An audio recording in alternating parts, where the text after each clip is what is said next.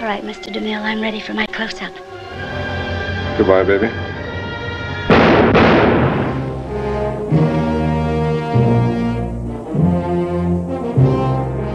Hallo en welkom bij Julius versus Jasper, de podcast waarin wij telkens twee films tegenover elkaar zetten en dan bespreken welke van de twee, mocht er eentje moeten verdwijnen, zou mogen blijven. Mijn naam is Julius Koetsier, ik heb ook Jasper ten Hoor bij me. Hey, hallo. Hallo. Eh, Jasper, Julius, mag ik jou wat vragen? dat mag. Welke maand is het vandaag? Vandaag is het november. Fout, het is Noirvember. Ah, Ja, want we gaan het hebben over eh, twee eh, eh, film noirs van Billy Wilder. nou, wat een aanleiding allemaal. ja, goed hè? Ja. ja, ja, ja. ja, ja. Onze vorige, vorige aflevering in november was Child's Play. Wil je dat ook nog verklaren? Eh, nee. Nee, oké. Prima. Eh, nou, Child's Play is een beetje is rond de kerst, hè, of niet? Dat hij dat cadeau krijgt. Dat is voor Ja, kerst, ja. Hij krijgt Chucky voor kerst. Ja, dus die, aan, aan alle luisteraars, die moet je eigenlijk in december gaan luisteren. Ja. En deze in november nog. Ja, maar goed. Billy Wilder. eh, toch wel een van mijn lievelingsregisseurs. Toch wel, alsof dat nodig is. Nee, gewoon een van mijn lievelingsregisseurs. Eh, wa- hoe, wat, heb, jij, heb jij iets met Billy Wilder? Ja, ik, ga er, ik, doe, ik doe nog één stapje erbovenop. Het is mijn lievelingsregisseur. Ik, Zo. Dus er is geen, geen regisseur waarvan ik zoveel films heb gezien... waarbij ik eigenlijk alles wat hij heeft gemaakt echt heel erg goed vind. Ja. En ook niet een beetje, ook niet dat je zegt van nou er zit wel wat matigs tussen of zo. Nee, het is gewoon, alles wat ik heb gezien van hem is gewoon supergoed. Ja, ja en, en nog steeds eh, perfect amusement. En ook eh, heel mooi, eh, eh, op heel echt gewoon hoog niveau. En, en bijzonder en invloedrijk en vernieuwend. Maar ook nog steeds ontzettend vermakelijk. Ja, en ik vind het ook wel mooi dat we het nu over eh Billy Wilder kunnen hebben, uiteraard, omdat het mijn favoriete regisseur is. Maar het is natuurlijk niet echt een genremaker. Nou ja, hij is toch eh, qua film noir behoorlijk groot geweest en invloedrijk. Ja, maar de, de, de titels die we vaak zouden kunnen bespreken bij Schok het Nieuws, daar komen veel van zijn werken waar je het graag over zou willen hebben, niet meteen aan bod. Dus het is Nee. fijn om nu eigenlijk twee titels te hebben eh, waarvan we echt kunnen zeggen, nou, laten we eens even flink in de wereld van Billy Wilder duiken. Ja, met eh, Double Indemnity en Sunset Boulevard. Ja, en dan moet je altijd kiezen welke film ga je het voor opnemen. Want dat is het concept natuurlijk ook. Eh, Mhm. En ik neem het op voor Double Indemnity. En dan ik voor Sunset Boulevard. Ja, nou, eh dat wordt dus een lastige, hè? Als, je het, als het in ieder geval twee goede films zijn. Het, dat, dat, dat vooropgesteld. Ja, het is een moeilijke keuze. Ja, maar we moeten. En eh, laten we ook gewoon beginnen bij de film die als eerste uitkwam. Nou, dat is in dit geval eh, Double Indemnity. Laten we daar maar inspringen. 1944 praten we over. Ehm, en Double Indemnity, ja, even de, de titel. Dat wordt in de film eigenlijk ook wel goed uitgelegd. De titel is een soort clausule in een, in een verzekeringspolis... Daar, waarin als iemand komt te overlijden... en die heeft zo'n verzekering... die komt te overlijden op, in bepaalde omstandigheden... dan krijg je het dubbel uitgekeerd. Het is eh, de saaiste titel die deze film zou kunnen hebben. Ja, maar het, is ook wel, ja, het ook wel een mysterieuze titel. Ik bedoel, niemand, Dubbele. veel, mensen, veel Ja. mensen weten niet waar, waar, waar het nou precies naar refereert. Nee, maar ja, in Nederland heette die eh, Bloedgeld. Zo is hij hier oorspronkelijk uitgebracht. Dat is ook wel een spannende titel, hè? Ja, ja. Zo zeg. Nou ja, in elk geval bedacht door iemand die toch wat meer eh, mensen naar de bioscoop wilde, wilde lokken, heb ik het idee. Laten we, laten we erin beginnen. En wat ik leuk vind aan het begin van Double Identity... en dat is eigenlijk ook zo bij Sunset Boulevard... is dat de film eigenlijk begint bij het einde. En Ja. de hoofdpersoon vertelt ons het verhaal. Eh, komt in beide films voor. In dit geval is het eh, Walter Neff, gespeeld door Fred McMurray. En het eigenlijk zo dat hij komt zijn kantoor binnen en gaat dan in zijn, eh, in zijn kantoor. En we zien ook dat hij iets met zijn arm heeft. En hij, hij is helemaal bezweet. En hij gaat, eh, spreekt dan een soort memo in. Is zo'n heel leuk apparaat is dat, waar je iets van koker in doet. En dan met zo'n hoorntje spreek je dat in. Ja. En, eh, en dan begint hij te vertellen. En hij begint eigenlijk gewoon meteen te vertellen van... Hey, hij, aan, aan ene Kies, die we later dus ook nog in de film tegen gaan komen... spreekt hij aan en vertelt eigenlijk meteen... Hey, eh, eh, die, eh, die zaak, ja, dat is inderdaad een moordzaak. En de moordenaar, dat ben ik. En dat deed ik om een vrouw. En die vrouw heb ik niet gekregen. Waarbij ik dacht, wow, wow, ga je ook nog iets voor ons overlaten? Hij vertelt echt alles eigenlijk al. Ja.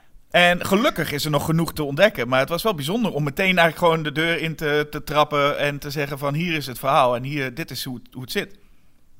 Ja, en, het, en het wekt meteen spanning op. Hij zegt hè, voor, voor geld en een vrouw. En ik heb het geld en de vrouw niet gekregen. En dan ga je je afvragen van hoe zit dat dan? En uh, ook, uh, is dat eigenlijk wel zo, vraag je af, als de film afgelopen is. Heeft hij het eigenlijk wel voor het geld en voor die vrouw gedaan? Ja, dat is een hele goede inderdaad. En het verhaal uh, nou ja, wordt daarna verteld. En komen we dus bij Walter Neff, die van All Risk, een verzekeringsmaatschappij is. En komt bij Dietrichsen voor een verlopen autoverzekering. Zo begint het. En ontmoet dan zijn vrouw. Gespeeld door Barbara Stanwyck. Nou, die ontmoet, die ontmoet hij nog voordat hij hem gezien heeft. Hè. Zij uh, verschijnt daar in, in, een prachtige scène bovenaan de trap. Ja. Net onder de douche vandaan. Heeft, zit in, in, in, een, in een handdoek staat ze daar. Ja, en, en het is uh, vaak zo in dit soort films. Ze, ze ziet, ze ziet uh, een man ziet vrouw en het is meteen wauw. Dat is wat je vaak merkt ja. in zulke films. Ja, het is liefde op het eerste gezicht zo ongeveer. En wat meteen ook opvalt, wat gewoon heel fijn is aan Billy Wilder het algemeen, zijn die Billy Wilder dialogen. Die zijn zo fijn om te zien. En dat zit hem in hele kleine dingetjes, maar ze zijn allemaal zo lekker scherp en vlot. Um, bijvoorbeeld, uh, Walter die vraagt aan een hulp in de huishouding van, uh, waar is de woonkamer? Dan zegt ze, ja daar, maar ze houden de drank wel achter slot en grendel. En dan zegt hij, oh geen zorg, ik heb mijn eigen sleutels. En dat is heel klein, maar ik vind het gewoon leuk. Het is gewoon een, een leuk dialoogje met iemand die verder niet heel veel ertoe doet. Maar dat maakt het ook al fijn. Nou, dat, dat, dat, dat dialoogjes gaan nog even verder als hij ook begint te flirten met, uh, met mevrouw Dietrichsen. Uh, ja, dat, dat, dan, dan voel je gewoon hoe, hoe Billy Wilder daar heerlijk die twee figuren zo tegen elkaar kan laten pingpongen. Ja, en uh, nou, in dit geval is het waarschijnlijk vooral Raymond Chandler, die uh, ook meeschreef aan het scenario en die wel goed was in dialogen. hij heeft ook, um, ja, hij heeft dus het, het, boek The Big Sleep geschreven en nog een aantal andere klassieke romans. Ik denk dat Big Sleep wel zijn bekendste is. Maar hij, sowieso, hij heeft heel veel uh, uh, uh, hard-boiled detective romans uit de jaren 30 en 40. En Wilder was fan van hem. En hij heeft dus niet het boek geschreven waar Double Indemnity op gebaseerd is. Dat was James M. Kane. Maar um, hij is toch bij die film betrokken geraakt. En waarschijnlijk komen de meeste van die dialogen van hem. Ja, het is eigenlijk ook wel goed, hè, wat je zegt. Je moet eigenlijk ook een scenarist dan in dat geval aanspreken. De reden dat ik dat bij Billy Wilder koppel is omdat gewoon al zijn films dit hebben. Waarbij je ook voelt dat er toch ook iets van Billy Wilder in zit. Want dat is op een of andere manier wat hij steeds ja. opzoekt. En dat zit in bijna al zijn films. Zitten dus ook heerlijke dialogen. Mm. En ze gaan ook gewoon lekker snel. Hij weet ook gewoon lekker hoe ze, hoe ze snel heen en weer pingpongen. Dus weinig tijd voor reactie. Het is gewoon, iedereen heeft heel ad rem altijd een reactie op iets. Ja. En dat zien we in de twee hoofdpersonages, maar dat zien we ook heel sterk in uh, als we Kies ontmoeten. Ook zo'n heerlijk figuur die non-stop gewoon lekker uh, uh, nou, de beste one-liners bijna uit, uitspraakt. Ja, Edward G. Robinson, prachtige acteur, ook echt de held van deze film. En dat is ook wel interessant al meteen, om eigenlijk meteen even aan te stippen, want dat is wel heel bijzonder aan deze film. We hebben een, een man en een vrouw als hoofdpersoon, maar het zijn allebei niet echt de meest sympathieke figuren. Nee, absoluut niet. Nee, maar toch, en dat is het knappe, uh, je leeft wel met hen mee. Um, in deze film. Want het is niet alsof de film gaat over Edward J. Robertson... die uh, uh, iets probeert op te lossen en wij met hem maar hopen. Je wil echt ook gewoon... Ja, je wil ook eigenlijk dat, dat Walter Neff op een of andere manier slaagt. Op, op, op een bepaalde manier. Nou, om, omdat je bij het plan betrokken bent... en omdat je denkt van... oh ja, dat is inderdaad wel een, een goed plan. Een slim plan. Uh, wil je het zien slagen, inderdaad, en, en, en wil je dat het zo lang mogelijk doorgaat. uiteindelijk vind ik, uh, kun je toch ook wel genieten van hoe het dan misgaat. Vooral omdat Edward J, uh, J. Robinson het zo leuk, omdat Keys het zo leuk oplost. Dat is een van mijn favoriete misdaadgenres. Is dat je eerst een perfecte moord gepleegd ziet worden en dat daarna de detective het gaat oplossen. Dus dat dat wij al weten wat er gebeurd is en met de crimineel mee kunnen leven.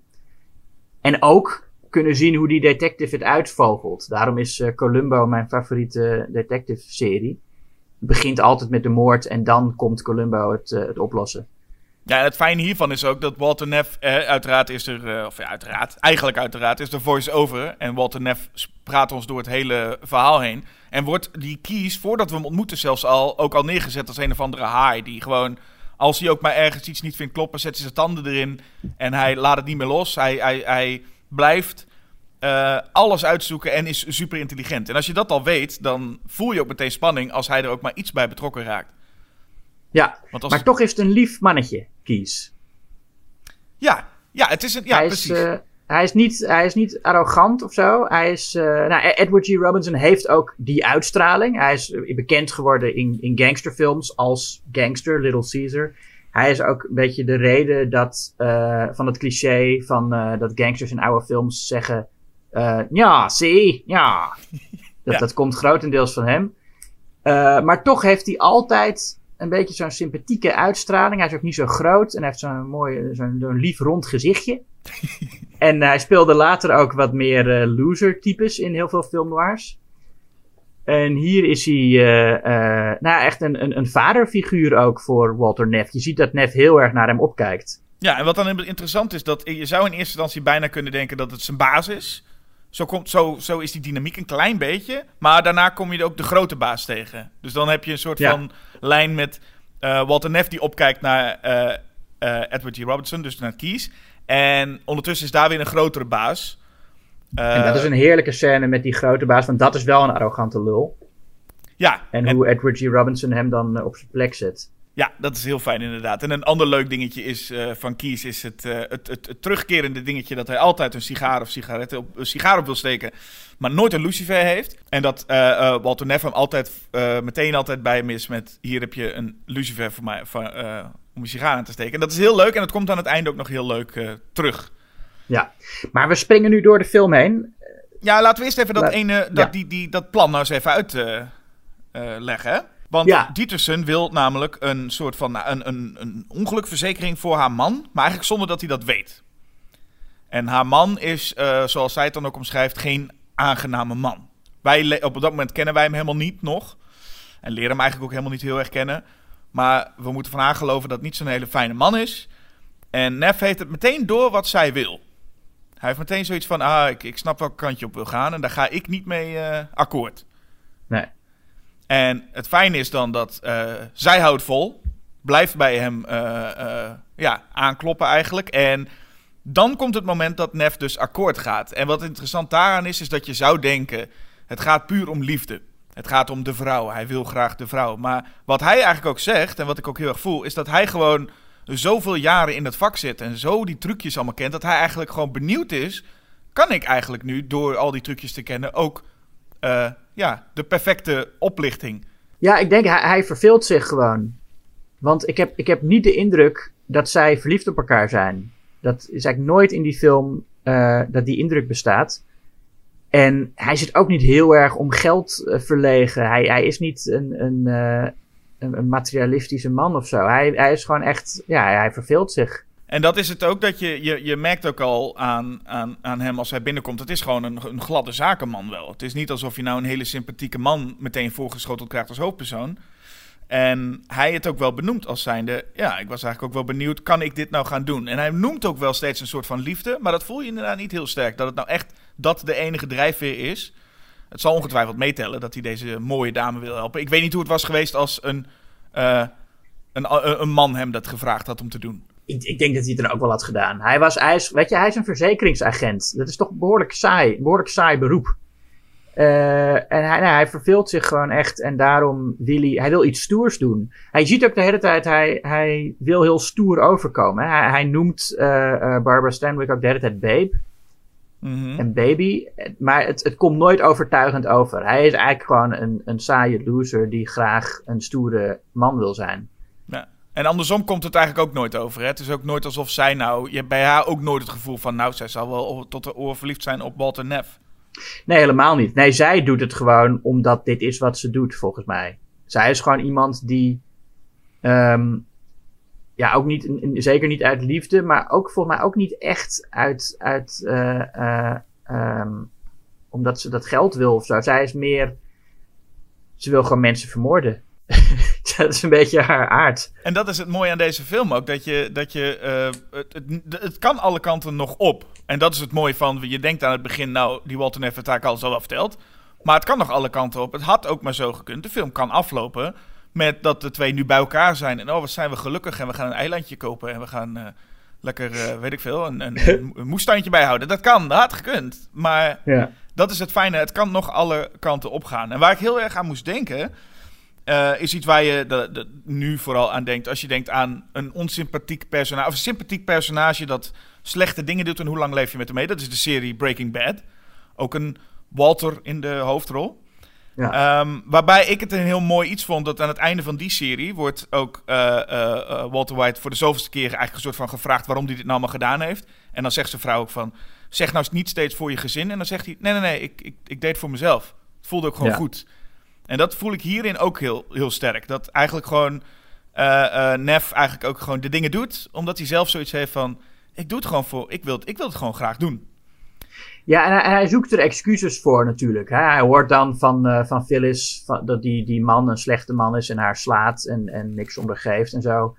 En, maar dat zijn allemaal excuses die hij gebruikt ehm, om maar ja, iets spannends te kunnen doen met zijn leven. En je merkt ook aan het einde hoe hij dan eronderuit wil komen door iemand anders eh, te framen voor de moord. En het is ook fijn dat we, we krijgen uiteindelijk meneer Dietrichson even te zien. Niet heel lang. Maar het is ook fijn dat Billy Wilder daar ook niet helemaal losgaat in hem die Dietrichson laten zien als dat we inderdaad zien dat hij zijn vrouw slaat. En dat hij weet ik wat voor slecht persoon is. We zien wel dat het een beetje een Nors, Norse vent is. Maar meer dan Mhm. dat ook niet. Je hebt eigenlijk geen moment dat je echt denkt, nou die man die, mogen inderdaad, die mag inderdaad wel dood.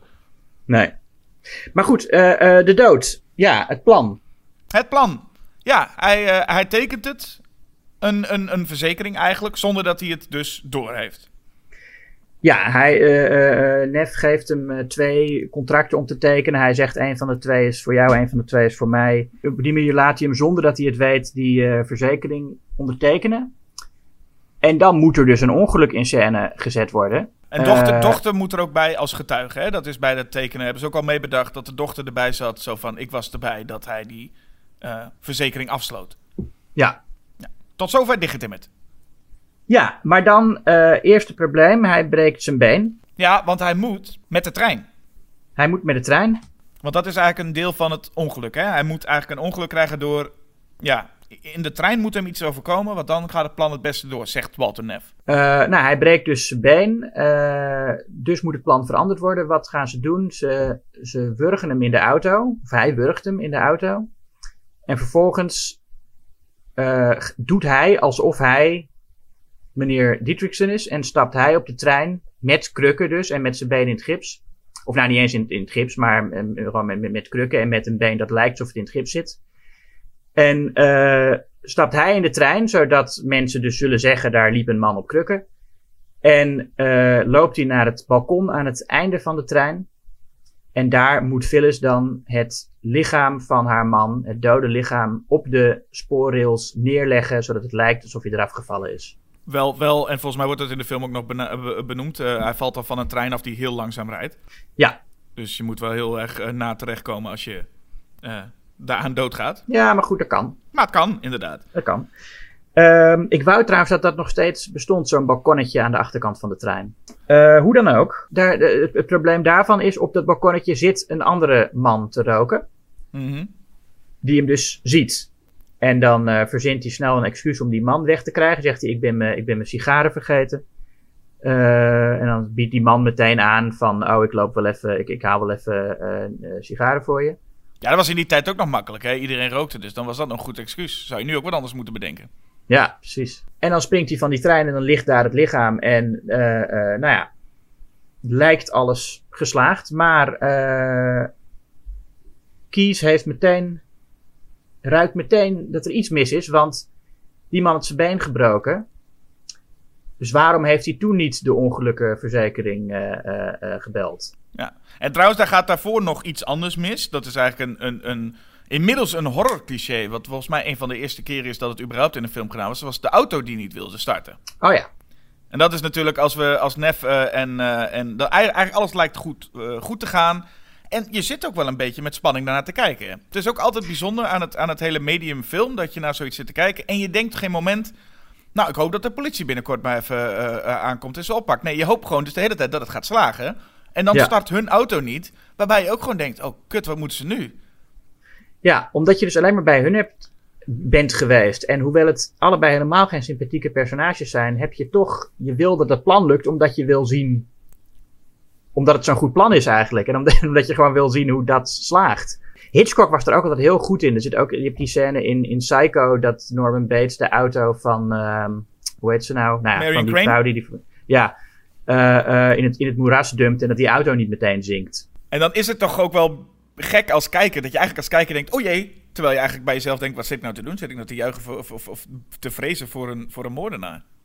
Ja, dat is het gekke aan empathie in film. Als iemand iets doet, dan wil je gewoon dat het lukt, wa- wat het ook is. Ja, Als je bij een personage bent, wil je gewoon dat dat personage slaagt in de opzet. In elk geval tot aan het einde van de film. En aan het einde mag het allemaal instorten. Maar als de film nog bezig is, hoop je gewoon dat alle plannetjes lukken. Ja, en dat is het, het bijzondere wat ik als ik de vergelijking met Breaking Bad dus maak. Daarin ontmoeten we een hoofdpersoon die ook echt wel heel hard moet werken, die weinig geld heeft en eigenlijk eh, gewoon echt een heel sympathiek figuur is, waardoor je hem heel veel credits hebt en kan die nog best wel ver gaan. En hier heeft Walter Neff of mevrouw Dietersen dat helemaal niet. Die hebben die credits bij ons eigenlijk helemaal niet. Bij Breaking Bad zat ik trouwens wel op een gegeven moment. eh, begon ik te hopen dat het mis zou gaan voor Walter. Ja, dat is ook een interessante discussie die ik met iedereen gevoerd heb die die serie heeft gezien. Van wat was jouw moment? En er zijn mensen die al bij seizoen 1 of 2 al dat hadden. En anderen weer wat later. En sommigen hadden het nooit. Dus dat is wel interessant. Van wanneer ben je gestopt met juichen? Ja, ik vond in seizoen 2 het moment dat hij eh, de vriendin van Jesse laat sterven. Dat was het moment dat het... eh, dat was voor mij het moment, ja. En, eh, en daarna gaat hij natuurlijk nog veel, doet hij nog veel meer eh, erge dingen. Maar goed, bij deze is het dus inderdaad dat als Kies erbij inkomt, dan, dan denk je wel van... Oké, en dat is eigenlijk ook een interessant verhaallijn. Gewoon, hoe gaat Kies dit oplossen? Ja, want je, hij begint met een vermoeden van. Nou, die man had zijn been gebroken. En, en, en dus, dus dat, de- daar, daar begint het eigenlijk. Maar dan gaat het een beetje rollen. En dan komt hij vrij snel op inderdaad het plan dat eh, eh, eh, Phyllis en Neff eh, gesmeed hebben. Ehm, eerst hebben ze nog dat leuke gesprek met, met, met de grote baas. Mhm. Waar ik nog even op wil wijzen. Dat is echt een heel mooie scène, vind ik. Dat, die grote baas die heeft dus die, die, die claim binnen en die zegt: het was, eh, het, het was geen ongeluk, het was zelfmoord. Ik weet het helemaal zeker, het was gewoon zelfmoord. Hè? Die man is gewoon van die trein gesprongen. Ja. Eh, klaar. En dan, nou ja, dan eh, gaat Edward G. Robinson heeft een hele mooie lange speech waar hij echt een soort theaterding van maakt. Hè? Dan noemt hij alle, alle soorten zelfmoord op die hij allemaal onderzocht heeft. En dan zegt hij uiteindelijk van, nou, stel je nou voor, je, je, gaat, je springt van een trein die eh, 30 km per uur rijdt. Dat, is, dat, dat pleeg je toch geen zelfmoord? Dan verwacht je toch niet dat je doodgaat? Ja, een heel goed punt ook, ja. Ja, nee, inderdaad, goed punt. En het is zo knap hoe dat. Daar de- ik, ik had het als kijker helemaal niet bedacht, weet je wel, dat, dat punt van hem. Terwijl het best heel logisch is. Als je het weet, dan denk je, oh ja, tuurlijk, dat is een belachelijke gedachte dat je dan zelfmoord zou plegen. Of dat je iemand zou proberen te vermoorden door hem van een trein af te duwen die 30 km per uur gaat. Ja, en het in- inderdaad, omdat hij... eh, eh, want, want Kies is eigenlijk... Ja, is het een detective? Hij is natuurlijk gewoon ook een verzekeringsman. Maar die wel echt, nou ja, bekend is met dit soort werk. Eh, ja, dit hij detecteert. En ja, hij dus ook natuurlijk gewoon het 1 plus 1 is 2. Zo'n man gaat dood net nadat die eh, documenten zijn getekend. Net nadat die verzekering is afgesloten. Daar zit ook iets... eh, Ja. dat ruikt ook, daar ruik je ook een beetje onraad. Wat dat betreft had Walter Neff, als het perfect zou moeten zijn, had hij eigenlijk moeten zeggen: ik moet even een jaar wachten. Maar het is nu vlak erop, dus dat, dat geeft Kies al de eerste. En het is ook fijn dat het ook vrij logisch is dat Kies een beetje eh, het niet helemaal zuiver vindt. Want dan, hè, dan, dan snap je ook meer dat hij er zich er helemaal in gaat duiken. Als het echt perfect was geweest, dan had je ook gedacht: ja, ja het is een beetje geforceerd dat Kies nu zo argwanend is. Maar dat is in dit geval helemaal precies, niet zo. Ja. Nee, ze waren dan toch te, te, te gulzig om het, eh, om het snel te laten slagen. Ja. eh, Phyllis en Walter. uit dat, dat gesprek vond ik ook heel leuk. Dat is een heel klein dingetje. Maar als dan. eh, ze hebben het dan even over dat de getuige was. En dan vraagt die man, de, de baas van hoe die heet. En dan zegt Kies ook iets van. His name was Jackson. Uh, probably still is. Dat is ook zo'n heel leuk, leuk zinnetje. Dan heb je dus nog een, een paar van die eh, eh, oh nee momentjes. Inderdaad, onder andere eh, dat eh, eh, de getuige van de trein langskomt en Walter lijkt te herkennen. Ja. Eh, en daarna het, het, het voor mij wel een van de beroemdste momenten uit de film. Dat eh, Phyllis, of dat eerst eh eh, eh, Keys bij Walter langskomt en dan Phyllis. En dan heb je dat ding dat zij zich achter die deur moet verstoppen. Omdat Keys natuurlijk niet mag weten dat zij elkaar kennen. Ja. En dan staan ze in de gang. En Walter weet eerst niet dat Phyllis daar ook staat. En de, zij verbergt zich achter de deur. En zij staat aan de ene kant van de deur. En Key staat aan de andere kant. Mhm. En eh, op, eh, Phyllis die, die, en, en Walter staat in de deuropening. Dus Phyllis trekt dan zo aan de deurklink om te laten weten aan Walter dat ze er is. En dan heb je echt een heel mooi moment van spanning. Dat eigenlijk helemaal niet kan in het echt. Want er zijn geen eh, gangen waarin de deuren zo naar buiten open gaan. In zo'n smalle gang mag dat helemaal niet. Want dan zou je die deur in je gezicht krijgen als je er langs loopt. Ah, dat is een architectuurfoutje. Ja, dus dat bestaat gewoon echt niet. Eh, het, het- mag niet van de, van de brandveiligheid en zo. Ja. Ehm, dus hij heeft gewoon dat speciaal zo laten bouwen. Ja, en terecht. Ja, nee, het, is, het is heel goed. Het is geen kritiek verder. Het is echt een, eh, een mooie vondst. En wat ook heel fijn is, is, het, is de manier van eh, subtiliteit. Ik bedoel, de- laten, we, laten we wel wezen, in dit soort films kan het ook heel snel gebeuren. Hè? Eh, ehm, Walter kijkt om het hoekje, ziet haar staan en dan klikt er zo'n heel orkest aan. Babam! En Ja. dit is allemaal zo subtiel gedaan met zij trekt een beetje aan die deur. Hij- je ziet aan zijn reactie, oh, ik, eh, oh, ik weet genoeg. Ja. Dus het is heel fijn dat ook, ook in, in eh, eh, vooral in oude films, die toch veel al meer bekend staan om het veel theatralere spel, dat het hier ook gewoon heel subtiel allemaal wordt. Ja, En het zit in heel iets kleins, want we hebben dat natuurlijk, dat is ook een, een, een simpele truc. Zij belt met, met Walter, die al heel voorzichtig is en eigenlijk zoiets heeft van, ja, laten we elkaar maar niet eh, zien. Dat is even niet verstandig. Maar dan toch, oké, kom maar langs. De, deur ga- de deurbel gaat, bij wijze van, of er wordt op de deur geklopt. En daar staat Kies ineens. En dan voel je al als kijker ook de spanning met, oh jee, hij heeft net gezegd dat zij wel mag komen. En hier Mhm. staat Kies ineens. Dat zijn een heel simpel trucje, waarbij de hele scène met spanning zit. Van wat als ze elkaar gaan treffen. ja. Ja, want eerder ontmoetten Phyllis en Walter elkaar altijd in de, in de supermarkt, hè? Ja. Dat was dan dat ze zogenaamd toevallig allebei in de supermarkt waren. En dan gaan ze allebei heel lang naar van die producten staan te kijken terwijl ze aan het praten zijn. En nou goed, het volgende OJ-momentje is ook weer als de dochter, Lola, er ook bij komt. Dus Ja. eigenlijk, eigenlijk is het op, opeenstapelen. En dat is wel fijn, er komt steeds iets nieuws bij. En Kies wordt dus steeds meer, die laten echt geen gras overgroeien. Het wordt steeds moeilijker voor Walter, merk je wel. En ondertussen komt dus ook de, de dochter erbij. Eh, er komt haar vriendje. En dat is eigenlijk een soort van, van eh, nou ja, ook wel iets prettigs voor Walter, zou je zeggen. Want er komt ineens een soort van verdachte, een nieuwe verdachte eigenlijk bij Ja. in deze zaak.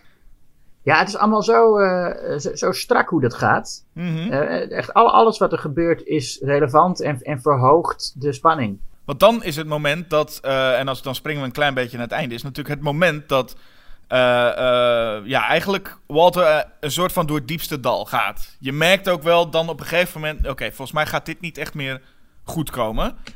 Nee. En hij heeft ook misschien iets ontdekt. Het feit dat hij ontdekt heeft dat zijn ja, geliefde, laten we maar even zo noemen, misschien ook wel verantwoordelijk was voor de dood van de moeder van Lola. Dat, dat zegt Lola in elk geval. Hè? Lola vertelt hem van ik heb Phyllis, was de zuster van mijn moeder. En ik kwam een keer daar binnen en toen stonden alle ramen heel eh, wagenwijd open. Terwijl mijn moeder met hoge koorts eh, ziek lag te zijn. En, en, en de blik op het gezicht van Phyllis was dezelfde blik die ik eh, eh, later op het gezicht van eh, Phyllis zag. Ehm, dus die, Lola, die, eh, eh, eh, da- dan ontdekt Walter eigenlijk wie Phyllis is. Hè? Dat dit niet een eenmalig ding is dat puur voor het geld en voor hem het geval is. Maar dat zij gewoon een moordenares is die ehm, ja, waarschijnlijk eh, gewoon echt om, omdat ze nu eenmaal zo is, dit doet. Althans, die indruk krijg ik. En Ja. zij is gewoon een, ja, een, een archetypische van Fataal. En een van de meest iconische, een van de belangrijkste figuren in het eh, definiëren van dat archetype. En ja, dit is gewoon hoe zij is. Dit is haar natuur. En je vraagt je ook af wat dat bij, bij Walter Neff ook doet op het moment dat hij dat weet. Want hij kan denken van, oh, nu weet ik hoe het zit. Het is niet alsof hij nou kan denken van, oh, ze is eigenlijk wel heel slecht. Want dat is hij ook. En dat wist hij ook van haar. Alleen, het was voor zijn gevoel misschien maar eenmalig. En nu denkt hij, oh, wacht even. Dus hij, zij werkt iedereen gewoon uit de weg die, ze, die er een beetje in de, in de weg zit. En Ja. dat ben ik dan zometeen ook. Ja, nee, dat is het. Hij realiseert zich wie zij is en daarmee dus ook wie hij zelf eigenlijk is. Eh, hoe hij zelf eigenlijk eh, eh, terecht is gekomen. En dan komt het, het, het, het, het moment eigenlijk dat hij dus in confrontatie met Phyllis eh, eh, daarin terechtkomt en haar uiteindelijk neerschiet. En ook best wel een spannende scène. Omdat je ook gewoon daarin niet weet wat er gaat gebeuren.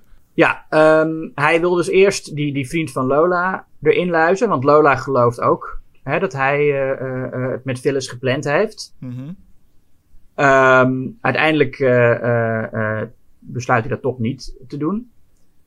Maar hij is inderdaad, hij, heeft, hij, heeft, hij, is, hij is bij Phyllis en zij eh, eh, eh, haalt een pistool tevoorschijn en schiet op hem. En vervolgens zegt ze, heeft ze de vrij beroemde monoloog waarin ze dan toch haar liefde aan hem bekent. En zegt, ik, ik kon niet de tweede keer schieten, want ik hou van je. Ehm, en hij gelooft dat niet. En hij zegt iets van: Sorry, babe. wat, eh, wat, wat ik ook helemaal niet geloof. Ik, ik geloof haar ook niet. En ik geloof hem ook niet als hij haar weer baby noemt en zo. En dat stoere gedrag, dat is allemaal ook een, een masker. Ja, alleen is het nog steeds deel van, of deel van een plan. En, en het is inderdaad wat je zegt. Die vriend van Lola komt nog naar dat huis toe. En dat is eigenlijk het moment dat hij er nog mee weg zou kunnen komen. Want Ja, dan zou, die inderdaad, dan zou het kunnen lijken alsof hij haar doodgeschoten heeft. Ja, en dan besluit hij ineens eh, hem eh, te roepen. En dat is het moment dat je ineens denkt: wow, wat doet hij nu? Want dit is natuurlijk heel fout. Op het moment dat hij, of hij moet hem ook om zeep helpen. Maar hij, hij was nog niet per se heel erg verdacht. Ehm, Nee. En dat komt vooral, dat is ook nog wel weer heel leuk. Hij is in principe wel verdacht. Walter Neff wordt door de baas eigenlijk wel als een soort verdachte gezien. En Kies is degene die eigenlijk ervoor heeft gezorgd dat het niet Walt. eh, hij neemt het echt voor hem op. Ja, En dat maakt het ook sterk. Dat het feit dat het niet is van... Ja, niemand denkt dat de verzekeringsagent er iets mee te maken heeft. Nee, die wordt wel verdacht. Alleen door Kies weet hij eigenlijk eh, van... Nou, ik zit redelijk safe. Maar dan roept hij dus die, eh, die Nino, die vriend, bij zich. En praat hij ermee. En dan denk je, Ja. oh, wat is hij nu van plan? En dan is het eh, ja, wel duidelijk dat Walter Neff, hoe doortrapt hij eigenlijk ook is... hij niet toch ervoor kiest om een onschuldige jongen ervoor op te laten draaien. nee. En hij, hij is zelf ook al neergeschoten. Hij heeft een kogel in zich. Ehm, dus hij zou dan nog naar het ziekenhuis moeten om die eruit te halen. Ja, je weet, je weet natuurlijk niet wat hij gedaan zou hebben als, als hij niet beschoten was. Eh, dat is allemaal speculatie. Maar ik denk dat hij zich op dat moment toch wel realiseert dat het. eh, ehm, dat, ja, dat, misschien dat hij toch een morele keuze maakt uiteindelijk. Zo voelt het in ieder geval wel. Dat je toch merkt van ik ben er toch te diep in, eh, in eh, gegaan. En dat, dat moment zit er dus niet eh, voordat hij eigenlijk Phyllis doodschiet. Maar dat zit er wel daarna, gok ik. En dat komt waarschijnlijk omdat Phyllis wel echt een, een schuldig personage is, maar die Nino eigenlijk helemaal niet. Ja. Dan ga je er echt iemand bij lappen die er helemaal niks mee te maken heeft en eigenlijk gewoon onschuldig is. Ja, en daar heeft hij heeft ook zo'n arrogantie op, op dat moment, Walter. Als hij zegt tegen Phyllis van, eh, I'm getting off the trolley car. Hè, want hij heeft dus eh, eh, van Keys heeft hij dat verhaal gehoord. eh, eh, dat twee mensen altijd samen op de trolley car zitten als ze een moord gepleegd hebben. En de eindbestemming is de dood. En dan zegt hij tegen Phyllis, I'm getting off that trolley car. En dan doet hij weer heel stoer. En je weet dan al van, dat is natuurlijk onzin. Je, je kan er nu niet meer vanaf. Dat is het hele punt dat Keys maakte. Je kan er niet zomaar afspringen. Nee, en dat blijkt ook. En dan Ja. keren we ook terug naar eh, de tijd waar de film mee begon. Met eh, Walter die als aan het inspreken is. En eh, ja, dan hoeft hij die, dat verhaal niet eens meer echt af te maken. Want daar staat Kies ook al in het, in het kantoor mee te luisteren. Ja. Dus ik weet Die ook niet of hij nog wilde, wilde ontsnappen eigenlijk. Of hij nog... Nou, hij, ze- hij, zegt, hij zegt dat hij nog naar. eh, dat zal ook wel een beetje zichzelf voor de gek houden zijn. Maar hij zegt dat hij naar de grens wil. Dat hij over de grens wil vluchten. Ja, hij, wil, hij heeft toch nog een beetje hoop. Ja, maar goed, Kies die weet dan van. Jongen, je hebt, je, je hebt het hele kantoor ondergebloed. Je gaat het echt niet redden. Eh, je gaat, als, je, als je dit gebouw uitloopt, ben je al eh, dood. Ja. Als je nu nog gaat proberen te lopen. Dus. Ja, en dan, dan, dan komt eigenlijk een soort van perfect einde. Walter stort ook inderdaad neer. Hij, heeft de lift, hij zou de lift niet halen. En inderdaad, hij had de lift dan ook dat moment niet. Eh, en toen dacht ik ook van, ah, het zou mooi zijn als het daar naartoe gaat. En inderdaad, Walter zakt op de grond. wil nog even een sigaret aansteken. En dan komt Kies aan en geeft juist hem even een vuurtje. Ja, Toen dacht ik, ja, dit is wel ook gewoon heel mooi rond. Ik zou nu stoppen als ik jou was. En inderdaad, de film stopt daar. Dan denk ik, ja, perfect.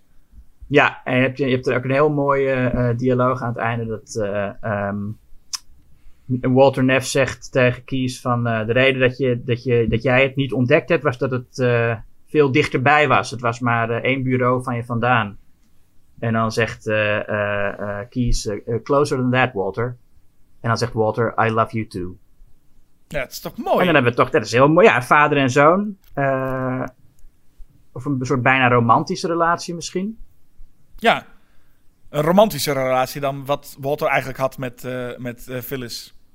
Ja, nee, dat, dat, is, dus, dat is inderdaad echte liefde, wat hij voor, eh, voor Keys voelt. Ja. Nou, Ja, dus ti- tip daar maar eens aan met je Sunset Boulevard, zeg. nou ja, dat, dat, dat, ja, dat moet lukken. Ja, het is, het is, het is een, een moeilijke keuze, maar We gaan naar Sunset Boulevard 1950. ja, 1950 zeg. Ja, echt een, een klassieke eh, cynische Hollywoodfilm. Dat is ook wel een favoriet genre van mij trouwens. Ik, als ik zit te denken aan hoeveel films over Hollywood er zijn gemaakt. Eh nou, Mulholland Drive is er ook zo een. En Inland Empire van David Lynch ook eigenlijk. Ehm, of eigenlijk, gewoon, dat, dat is wat het is. Ja, de, de cynische Hollywoodfilm waarin Sunset Boulevard natuurlijk eh, een van de grote klassiekers is. En een van de eerste echte voorbeelden. Ja. Eh, er is een eh, behoorlijk onsuccesvolle scenarist die ehm, vrij slechte scripts schrijft. Een, een hack is het. Ja, ook weer begint deze film dus inderdaad bij het einde, hè? Eigenlijk deze nog Oh ja. meer dan bij het einde eigenlijk. Ja, eh, ja, die persoon is al dood. De, de hoofdpersoon die we horen, die, we horen die de voice-over doet. En we weten op dat moment nog niet dat hij het is. Hè? We zien een, een lichaam in, in het zwembad drijven van een grote villa. In mijn herinnering, want ik heb deze film dus jaren, eh, jaren terug ook gezien. In mijn herinnering zei de voice-over toen ook iets van... Kijk, daar ben ik. Maar dat is helemaal niet zo. ja, nee, dat is het cliché natuurlijk. Yep, that's me. Ja, precies. En dan terug naar hoe, die, hoe ik in die, in die situatie ben beland. Maar dat gebeurt hier niet. Nee, het- hij, hij spreekt over zichzelf in derde persoon. Je ziet daar dat lichaam drijven. Ja. Eh, en een, een iconisch shot van onder in het zwembad dat je dat lijk eh, eh, ziet. Ja, het is een heel knap, een heel knap shot. Ja. Maar hij, hij zegt dan nog eh, deze, de- deze figuur, zegt hij, deze man. Ehm, en dan, nou, dan komt het verhaal van hij is een, een, een, een, eh, slechte scenarist die, die weinig succes heeft. En zijn auto moet, eh, wo- wordt ingenomen omdat hij geen geld heeft. Rijdt een, en, en, en- zijn band gaat lek. Hij rijdt een oprit in, parkeert zijn auto er in de garage en komt dan terecht in het huis van Gloria Swanson. Want we zien voor die tijd nog wel even waarom Joe Gillis eigenlijk niet zo succesvol is. Of ja, waarom. Eh, we zien dat hij inderdaad geen geld heeft. Maar hij heeft ook... Ja, zijn werk is ook niet zo heel goed, hè? En hij, eh, dat zien we vooral bij de scène bij de producent. Waar hij toch nog even een beetje om geld komt leuren. En Mhm. de assistent van de producent ook even langskomt om eh, even te zeggen dat ze dat, dat idee van die honkbalfilm echt helemaal niks vindt. Ja, Betty Schaefer, heel leuk personage is dat, vind ik. Nancy Olsen speelt er. En het is, dat is een beetje de, de persoon die eh, onze hoofdpersoon met beide benen op de grond eh, zou kunnen houden. Ja, want en, en daar komen ook weer van die, ja, ik noem ze maar even weer Billy Wilder dialogen. eh, maar daar komen ook van die kleine momentjes dat zij dus ontdekt dat ze zo'n film aan het afkraken is terwijl de schrijver erbij staat. En dan zegt ze ook iets van, oh, ik wou dat ik door de grond kan zakken. Waarop hij meteen zegt van, oh, ze kan helpen. Dus dat, Ja. ja. het, het- dat is ook weer heel leuk hoe ze, hoe ze met elkaar omgaan. Maar je ziet dan, en dan gaat hij naar een andere producent. En daar wordt dan inderdaad een soort statement gemaakt van, ja, weet je, kunst dat wordt gemaakt met honger. Dus Ja. je hebt geen geld nodig of iets dergelijks. Dus hij weet in ieder geval, dan weten we al van, oké, eh, Joe Gillis, ons hoofdpersonage, hoeft niet bij Hollywood aan te kloppen. Nee, precies. Nou, dan komt u dus eigenlijk eh, ja, door, puur door toeval terecht in die villa eh, waar, hij, waar hij in de garage geparkeerd heeft van eh, Gloria Swanson als Norma Desmond. Ja. Ehm, een, eh, een, een ster uit het stille tijdperk die eh, ja, grotendeels vergeten is eigenlijk. Ehm, En ze heeft een dode aap. en ze heeft, ja, daar, ja, daar begint het mee inderdaad. Een prachtige, meteen een heel vervreemdend. Nou, het is ook al meteen een soort nachtmerrie hè, in dat huis. Het is echt een soort spookhuis waar hij terecht komt. Je hebt de, de, de, de butler Max eerst, die hem binnenlaat. En die zegt ook al van je wordt verwacht. En dan denk je, hè, hoezo? En het is meteen inderdaad echt die, die, die spookhuissfeer. En dan komt hij daar boven en dan is daar, ligt daar een dode chimpansee die begraven moet worden. Do- eh, eh, door Norma Desmond, die er ook echt een beetje uitziet als een soort vampier. Mhm.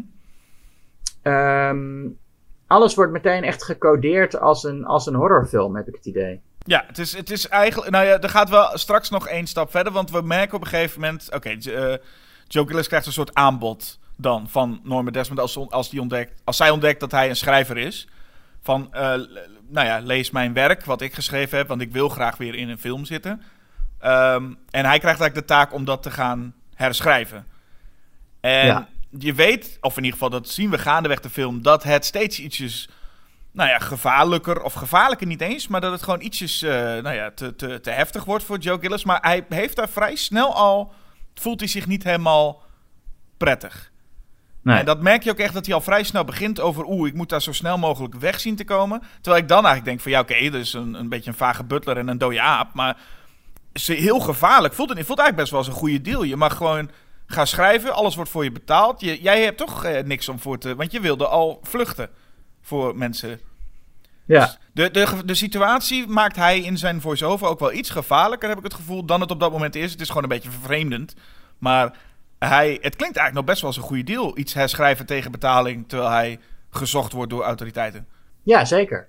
Maar ja, dan eist ze van hem dat hij, eh, terwijl hij dat doet, eh, in het huis blijft. Ja, En, eh, en, en daar is ook al voor gezorgd. Ze gaat er ook van uit dat dat gebeurt. Dat is ook net als Dracula. Hè? Die wilde dan ook dat Jonathan Harker eh, verwacht. eh, eh, Jonathan Harker had verwacht dat hij eerst met die contracten iets zou regelen bij Graaf Dracula en dan weer gewoon terug kon. Maar Dracula zegt dan: nee, nee, je blijft gewoon een paar maanden hier. En zo gaan we het regelen en niet anders. En zo is Norma Desmond ook. ja alleen het is, ik, ik, voor mijn gevoel maakt Joe Gillis het gewoon net ietsjes heftiger op dat moment al dan het is. Want het is een beetje vreemd, maar het is ook geen hele gekke situatie om daar te blijven slapen. Het is pas op het moment dat Norma steeds claimeriger wordt, dat het steeds iets meer een gekke situatie wordt. Maar zo gek lijkt ze in het begin helemaal nog niet. Ja, het is een beetje vreemd. Maar het, het, ik heb het gevoel dat hij het iets, iets, iets meer heeft. Hij heeft echt zoiets van: oh, ik moet zo snel mogelijk weg uit deze situatie. Ja. Oh, blijf even lekker zitten. Ga even lekker schrijven. Nee, ik zou het ook doen hoor. Als ik, als ik er is, eh, ja, het lijkt me ook wel. eh, ik, ik zit met, eh, met een, een vrouw die in elk geval leuke anekdotes op zal leveren. Eh, en dan gewoon elke dag een beetje dat script herschrijven. Ja, het is natuurlijk wel een, een project dat gedoemd is om te falen. Want zij accepteert zijn kritiek niet. En die film gaat er nooit komen. Ze wil Salome maken naar het verhaal van eh, Oscar Wilde. Ehm, en ze wil zelf de hoofdrol weer spelen. En ze zegt dat het allemaal fantastisch wordt. Maar ja, als, ja, als je hem bezig ziet, dan, dan weet je al van nee, dit, dit, deze film gaat gewoon niet gemaakt worden. Nee, maar voor een scenarist, kijk, als, als Joe Gillis al in het begin werd neergezet als een scenarist die genoeg geld heeft, maar een echt een geweldig project wil maken, dan zou dat nog kunnen. Maar hij heeft gewoon geen geld. Ja, dan zou je als scenarist prima zeggen van, joh, ik herschrijf het wel. Als die film nooit gemaakt wordt, dat boeit mij niet zoveel. Ik krijg toch wel betaald. Ja, Maar goed, het, het wordt voor hem wel wat lastiger als het eh, wat claimerig gedrag wordt. Hij, hij eh, moet pakken gaan dragen. Hè? Dat, eh, hij, hij mag geen kauwgom eten. is ook zo'n leuk scènetje dat ze in de auto zitten. Dat Ja. zij, zij gaat hem echt een beetje nou ja, verbeteren. En, en wil gewoon dat hij zich gaat gedragen. Dat je eigenlijk denkt, dat is ook een rare situatie natuurlijk. Dat je aangenomen wordt om iets te herschrijven. En op een gegeven moment word je als mens gewoon... al jouw, jouw eigenschappen worden een beetje aangepakt. ja en hij ziet echt dat zij nog in het verleden leeft. Ze, ze kijkt haar eigen films op een projector. Dat ze- hij zegt dan van, eh, ja, we keken naar films gewoon zo midden in de woonkamer. Wat toen nog heel Ja. bijzonder was. Dus heeft dus een filmprojector waar- waarop ze haar eigen zwijgende films laat zien. Nou was Gloria Swanson, die Norma Desmond speelt, in het echt ook een ster uit het stille tijdperk. Dus die film die je daar ziet, dat is gewoon echt een film met eh, Gloria Swanson, Queen Kelly. Mhm. En hier wordt eh, gezegd dat dat een, eh, een, een Norma Desmond film was. Sowieso, het is een ehm, op een bepaalde manier best een metafilm. Er zitten ook Hollywoodsterren als zichzelf in. Ja. Dus één scène, dan zijn ze bridge aan het spelen. Met een aantal oude collega's van Norma, die niet bij naam genoemd worden. Maar dat zijn Anna Q. Nielsen, H.B. Warner en Buster Keaton. Waarvan Buster Keaton, de- ik denk, de enige is die je nu nog eh, eh, zou herkennen. als je geen superfan bent van zwijgende cinema. Nou, herkennen in deze film is moeilijker, want hij is niet, eh, hij is, je zou hem niet eens echt kunnen, hij is niet heel herkenbaar Nou, per se. Je ziet het wel een beetje. Ja, ja, dan moet je. En hij praat. Dat is wel gek, hè? Buster Keaton horen praten. Ja, dat is heel raar. Je wist niet dat die man er kon. Nee. En maar natuurlijk goed, maar eh, de- Cecil de Mil. Ja, Cecil B. DeMille als zichzelf, inderdaad. Ehm, en de butler, min of meer als zichzelf. Hè? Die wordt gespeeld door eh, Eric van Stroheim. Mhm. En ehm, dat, wa dat was ook een, een grote regisseur in het stille tijdperk. En later kom je erachter dat die Butler vroeger ook uh, regisseur was. En ook de eerste man van uh, uh, Norma Desmond. Ja. En dat hij haar geregisseerd heeft in een aantal van haar grote hits. En inderdaad, Erik von Stroheim heeft in het echt Queen Kelly geregisseerd. Waar Gloria Swanson dus in zat. En op een gegeven moment zegt hij ook: um, Vroeger had je drie grote veelbelovende regisseurs: D.W. Griffith, Cecil B. DeMille en Max von Meyerling. En dat is hij dan. Ja. Maar Max von Meyerling, dat is eigenlijk Erik von Stroheim, want dat was ook zijn status in die tijd. En hij is van die drie ook eigenlijk degene die als regisseur uh, het, minst bekend is ge, gebleven. Uh, de film Greed van hem is nog wel een klassieker, maar verder hij heeft niet echt van die enorme, zoveel grote films gemaakt als De Mill en, en Griffith. Um, dus hij speelt ook een, beetje zichzelf eigenlijk. Als acteur is Erik van Stroheim trouwens nog wel heel lang actief gebleven. Ja, het is ook wel mooi of zo. Dat ze dan, ik ga er even vanuit bij zulke dingen dat iedereen er ook volledig van bewust was. Dat het geen casting was waarbij ze. Ja, ze hebben het, hadden het gewoon door. Ja, tuurlijk, dat, dat, is, dat is duidelijk. Ja, en dat is wel mooi. Hoe dat, hoe dat, het is altijd mooi om te zien dat ook in die tijd eigenlijk gewoon men daar wel mee kon spelen als zo'n metafilm. Ja, dit is eigenlijk een van de eerste films waarin dat uh, gebeurt volgens mij. En waarin mensen ook best wel um, ja, zielige versies van zichzelf spelen. Ik bedoel, die, die, die uh, uh, Eric van Stroheim is dan nog achter het personage van Max. En we weten ook wel dat hij natuurlijk niet echt in het echt een butler is voor zo'n gekke vrouw. Mm -hmm. maar dat hij nog gewoon als acteur werkt en zo. Maar um, nou ja, die, die mensen die de bridge zitten te spelen, die de wassen beelden worden genoemd door Gillis. Mm -hmm. En aan het einde van de film uh, zie je even uh, Hedda Hopper, uh, de roddelcolumniste, mm -hmm. als een, een ook best wel, dat is eigenlijk de, de meest, de, de, de, het grappigste stukje satire in die film. Hè? Dat, we springen heel even naar het einde. Dan is Norma Desmond heeft net, heeft net Joe Gillis doodgeschoten en is helemaal doorgedraaid. En dan zit op haar slaapkamer zit Hedda Hopper te bellen met de krant. Um, echt als een, als een, als een lijkenpikker. Ja. En Hedda Hopper was in het echt dus ook een, een, een roddelcolumniste die bekend stond om dat soort uh, fratsen. Um, heel naar persoon trouwens. Zij heeft ook heel veel bijgedragen aan de, aan de, aan de uh, blacklist. Dus heel veel mensen waarvan zij beweerden dat het communisten waren uh, of homoseksueel, heeft zij de carrière van kapot gemaakt is toch wel naar om haar, uh, om haar in zo'n film. Ik, ik zou eigenlijk liever willen dat ze er niet in zat. ja, precies. Nou, wat, ja. ik, wat ik gewoon bijzonder vind is natuurlijk dat. En het, het is, is een van de eerste films die dan een beetje meta gaat. Maar het is ook gewoon fijn dat juist ook in de jaren 50. En eigenlijk doet Hollywood het nog steeds wel een beetje. Zo mooi weerspelen. Van het is allemaal zo mooi. Het is allemaal glitter en glamour. En deze film laat echt zo ongelooflijk zien dat het helemaal niet zo is. Ja. Van, van, van van scenaristen die geen geld hebben, tot sterren die vergeten worden, tot regisseurs die vergeten worden. Uh, uh, een beetje, inderdaad, het lijken pikken. Het is eigenlijk, alles wordt in deze film besproken. Het is eigenlijk een film die gewoon eigenlijk zegt van... Ja, Hollywood is helemaal niet zo mooi als, als, als, je, als ze doen overkomen.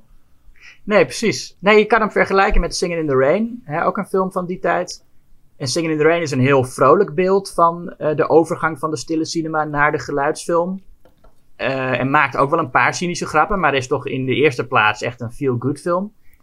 En Sunset Boulevard is daar dan, uh, hoewel het een oudere film is, uh, is, is, is, is daar dan de, de negatieve versie van. Ja, dat is, heel, dat, is, dat is heel bijzonder. Zeker in die tijd, maar eigenlijk nu nog steeds wel. Hoewel je nu gewoon wel veel meer films hebt die de negatieve kant van, van Hollywood ook belichten. Ja, maar Sunset Boulevard blijft toch eigenlijk wel ongeëvenaard in zijn cynisme, denk ik. Als ik, ik bedoel, uh, uh, als ik kijk naar Map to the Stars van David Cronenberg, mm -hmm. een recentere Hollywood satire, dan is die toch eigenlijk ook, hoewel er, ja, er zit dan wat harder geweld in en het is allemaal wat, wat overdrevener, maar het is in, in, in de kern, het, die film heeft niet zo'n cynisch hart als Sunset Boulevard. Nee, maar het voelt ook alsof Sunset Boulevard gewoon ook heel echt is. Het voelt ook gewoon allemaal echt. En dat is natuurlijk omdat heel veel dingen ook nou, de echte mensen waren. Wat je al zegt, eh, Ja. de, de casting en zo. Maar het voelt ook gewoon in alles. Ik, ik twijfel geen moment aan van. Nou, volgens mij ging dat niet zo. Het Nee. is ook gewoon echt. En er zitten een paar hele mooie momenten in. Komen we zo ook wel even op. Maar eigenlijk het, het moment waar we het nog het eerst even over moeten hebben. Is natuurlijk. Oké, het wordt allemaal wat claimerig. eh, en wat, wat, wat, wat heet onder de voeten van Joe Gillis. Maar het wordt vooral als het oudejaarsfeest wordt gegeven. En Ja. hij merkt dat er een oudejaarsfeest wordt gegeven, maar er geen verdere gasten zijn, alleen hen twee. En dan voelt hij al wel, er is hier, eh, zij, is iets, zij heeft die andere, ook nog een tweede agenda of zo lijkt het. Ja, zij doen dan allemaal van die optredens voor hem. Ja, en zij lijkt, eh, ja, ze gaan samen dansen en ze lijkt dus nu een soort van verliefd te zijn geworden. En hij vertrekt, het, hij verlaat het feestje en dat blijkt dan ook als hij daarna wordt opgebeld dat zij heeft eh, geprobeerd zelfmoord te plegen toen hij vertrok. En dan Ja. merk je wel echt, daar neemt de film wel echt een soort van... Oké, nu, nu gaan we een, een wat duistere kant op van... Het is niet zomaar even een gek vrouwtje die een beetje verliefd is geworden, klaar. Nee, eh, ze is echt eh, wel ten einde raad. Ja, ik denk niet dat ze verliefd is. Ze, ze is gewoon geobsedeerd door hem. Eh, en, en omdat ze in hem haar kans heeft gezien om terug te komen. En het, het gaat niet per se om hem natuurlijk. Elke, eh, el- elke scenarist die bij haar langs was gekomen had volgens mij dezelfde ontvangst gekregen. Ja, en het, het, het, het maakt het lastiger. En dan komen we bij dat... dat eh, eh, eh, ehm, het hoofdpersonage Joe gaat naar een ander feestje. Zo'n helemaal vol huis. Met allemaal van die Hollywood, vrolijke, jonge Hollywood Ja. mensen... die allemaal nog blij zijn met wie ze zijn en hoe het allemaal gaat. Ja, daar zien we nog eh, eh, eh, twee mensen als zichzelf trouwens. De muzikanten Jay Livingston en Ray Evans. Die zaten daar te spelen. Die, dat zijn ook beroemde componisten. Die hebben Kees Razera geschreven onder andere. Ja, en nou, noemt, en nou moeten we dus even zijn, zijn goede vriend Artie. En die heeft een vriendin. en dat is de Betty Schaefer, die we al eerder hadden gezien. Ja, En die twee hebben dus even weer een klik. En dat moet ik wel zeggen, dat maakt, dat maakt Joe ook meteen wel een beetje een lul. Want ik vind eigenlijk, of eigenlijk maakt ze allebei wel een beetje... Want ze, ze zijn op het feestje, ze leren elkaar kennen... en ze beginnen meteen zo enorm te flirten met elkaar. Waar, Ja. die, waar die vriend nog bij is, dat je denkt... Nou, ze, kun, je dat, dan kun je dat ook niet doen? Dat is gewoon, Ja. dit is zijn, zijn beste vriend. Eh, hey, dit is mijn vriendin. Oh, ik ga even met haar in een apart kamertje zitten. En dan ga ik maar toch even een partij flirten ook. En het- ze praten weliswaar over, over filmdingen ook. En zij wil graag zijn verhaal Dark Windows herschrijven. Zij ziet daar echt wat in. Ehm, maar eh, ja, er, dus, er zit ook meteen een soort van romance in. in. Ja, en die geloof ik dan net wat minder, omdat eh, Nancy Olsen speelt Betty Schaefer zo, ehm, zo leuk en zo eh, eh, normaal eigenlijk. Ze is aan de ene kant heel erg down to earth, maar ook iemand die nog echt gelooft in de, in de magie van Hollywood. En dat is eh, een heel mooie scène waarin dat duidelijk wordt als ze over die nepstraat lopen. Mhm. Ja, op, op, over, over die, eh, die, die, die eh, eh, zijn ze bij, bij de studio en dan is er een, een, een straatdecor. En dan zegt ze, dit is mijn lievelingsstraat in eh, heel eh, de wereld. En, eh, want hier speelde ik vroeger als kind ook al. En dan blijkt dat haar ouders heel eh, eh, kleine baantjes hadden in de filmwereld. De technische baantjes, maar wel, eh, eh, dus dat ze daar echt in is opgegroeid. Dus zij heeft nog wel dat, dat gevoel van magie bij Hollywood dat Joe Gillis al lang kwijt is. Ja, en ik wilde ook even. Ik, ik heb even twee, twee wat kritischere kanttekeningen dan. Mag ook wel een keer dan. Ten eerste is het inderdaad zo dat zij dus ook, die Betty, valt dus ook voor Joe. En klopt wat je zegt, dat Norma valt Norman ook echt voor Joe. Ja, eigenlijk wel. Maar misschien inderdaad dat ieder, ieder- wie, wie, maar ook binnen was gekomen, eh, was er voor gevallen of was eh, elke scenarist had die behandeling gekregen. Maar ook Betty valt voor Joe. En ik vind Joe Gillis, ik vind het toch een beetje een stijve hark. Ik, Ja, vraag, precies. ik vraag me wel echt af dat, die twee, dat we nu moeten geloven dat twee dames voor hem vallen als bakstenen. dat, dat pik ik niet helemaal. Want ik vind het, ik vind het maar een beetje een, een, een, beetje een saaiklootrommel. Nou, bij, bij Norma Desmond gaat het vooral om haarzelf. Maar ik geloof inderdaad niet dat Betty voor hem valt. En dat heeft ook deels te maken met, met de rol van Nancy Olsen, die heel goed is, maar die haar inderdaad als, gewoon als een heel eh, gezellig eh, en intelligent meisje neerzet. Mhm. Ehm, en dat Joe Gillis, eh, ja, is een, een behoorlijk onsympathieke figuur ook. Eh, die romance, die geloof ik niet. Nee, en het is een onsympathiek figuur, maar het is niet zoals bijvoorbeeld Walter Neff in Double Indemnity, dat het een onsympathiek figuur is, maar waar je wel echt snapt dat je ervoor kan vallen. Ja, Maar ook, ook zeg maar, eh, ja, William Holden, die dus Joe Gillis speelt. Ja, hij is geen, geen, hij is geen Cary Grant of zo. Hij is geen, geen James Stewart waarvan je misschien meteen kan denken van... Zo, ik, ik, ik, ik val voor jou. Ehm, maar hij is ook, hij is gewoon ja, een, beetje, een beetje nors, een beetje, een beetje stijfjes. En Hmm. eh, niet op een hele leuke manier. Waardoor ik dan inderdaad ook weer denk van ja, zou je nou echt inderdaad als een blok vallen? Ik pikte dat niet helemaal. En, een, en een ander ding wat ik, wat ik maar vraag, dat is natuurlijk iets waar we, daar hebben we het vorige eh, bij Double Indemnity over gehad. Maar je hebt natuurlijk de voice-over. En eigenlijk moet, ja, zo'n film als dit, dat hoort, hoort eigenlijk een voice-over bij, zou je bijna zeggen, toch? Bij een, Hoezo? Nou ja, goed, ik bedoel, laten we zeggen, nou, als, we het, als we het hebben over meer de detectives of de film noirs, dan is het bijna gewoon een stereotype dat daar zo'n voice-over over zit. Man loopt. Nou ja, dat is het cliché inderdaad. Maar dat is lang niet altijd het geval, toch? Nou, het is niet lang altijd het geval. Bij deze twee films dus wel. En bij Double Indemnity stoorde ik me iets minder aan. Bij hier begon ik af en toe wel een beetje te storen aan dat het non-stop wordt eh, eh, verteld vanuit Joe Gillis. Want wat bij een voice-over vaak gebeurt is dat zo'n... Hè, nou ja, we kennen allemaal het clichébeeld dus van detective loopt in, op een regenachtige straat... en dan zegt hij, ja, ik dacht goed na over deze zaak en ik vond het toch wel lastig. Maar hier Ik dacht goed na over deze zaak, dat vond ik toch wel lastig. Ja, dan is zit hij, al, hij zit altijd met een probleem Ja. of zoiets en, en dergelijks. Maar dan komt hier is het ook iets. Dan, hij zit natuurlijk bij eh Norma Desmond thuis en dan zegt hij... Oeh, ik vond het wel een beetje vreemd. Ik vind het allemaal wel een beetje gek. En als hij dan Mhm. met haar loopt, met Betty loopt... eh, Gewoon voor die zinnen dat hij ineens zegt... En toen vertelde ze me over haar neus. En dan, ja, voor, voor, voor mij is het, dat zijn het wel voice-over dingen van ik denk... Ja, ik weet niet of ik dit nou per se nodig heb. Hij blijft wel een beetje te veel Mhm. praten wat mij betreft. Ja, ja, oké. Het is soms iets too much. Maar dat is, eh, Ja. eh, het, het- ik vind het ook wel weer passen. Dat is een beetje stom. Misschien omdat het zo'n clichébeeld is, dat ik daarna denk. Maar er zijn genoeg films. En vooral de afgelopen jaren heb ik heel wat films gezien waarbij ik de voice-over echt afschuwelijk vond. Oh, Ad Astra. Ja, dat is eentje Dat die is echt echt de, de, de, bovenaan de staat. met- vreselijkste voice-over in jaren, inderdaad. Ja. ja. die is verschrikkelijk. Maar zo zijn er nog een paar waarbij ik echt voel... eh, The, The Witches, de nieuwe van Robert Zemeckis, heeft ook een verschrikkelijke voice-over. Oh ja, heel, heel raar is dat ook. Ja, Je, want je, je hoort dat het Chris Rock is en je denkt, zit Chris Rock in deze film? Ja, en de voice-over wordt ook ingezet, wat vaak dan... wordt, wordt ook ingezet met... We zien een jongetje die tegen zijn oma zegt... eh, ik ga eh, muizen trainen. Vervolgens loopt hij een grote zaal binnen... en dan komt de voice-over die nog even zegt... Ik dacht, deze zaal is perfect om mijn muizen te trainen. Ja. En dat is dus zo onnodig. En het klinkt stom dat ik bij dit soort films... dus film noirs, jaren 40, jaren 50... iets meer de voice-over ook pik als soort van... ah ja, dat hoort er gewoon even bij. Maar als je er echt goed op gaat letten... ook daarin zitten wel genoeg zinnen waarvan je denkt... ja, dat had je ook afgekund met gewoon alleen het beeld. Nou ja, dat is, ja. En, maar volgens mij zegt Robert McKee over voice-overs, je moet het alleen doen als het niet nodig is voor de plot. Dus dat je het puur als stijlmiddel inzet. Want als het echt nodig is, als je echt hè, in, een voice-over iets moet vertellen aan het publiek dat ze anders niet hadden geweten. Ja, dan is, dan ben je, dan is het gewoon lui vertellen. Ja, maar dat is wat wel veel al gebeurt. Is dat een voice-over eigenlijk gewoon extra vertelt wat we al zien. En heb je hem Ja. heel vaak dus ook niet nodig. Omdat als hij, als, als, Nee, maar als, Eh, juist als hij niet nodig is, dan is het dus puur een stijlmiddel. En dan werkt het volgens mij wel. En als, je, als, en als het. Kijk, het is leuk als de voice-over een beetje tegenspreekt wat er in de film gebeurt. Dat zijn eigenlijk de, de meest effectieve, zoals in eh, Double Indemnity. Of zoals in Singing in the Rain trouwens. Heb je ook een heel leuk eh, begin met een, eh, met een eh, stukje voice-over over beelden. eh, eh, ehm, waar ik nu aan moet denken, omdat Sunset Boulevard natuurlijk ook op Hollywood gaat. Mhm. Maar in Sunset Boulevard is het, nou ja, ja, is het een beetje aankleding. Het is een beetje ornamentisch. Or, ja, or- ornamentalistisch, zeg je dat zo? geen idee.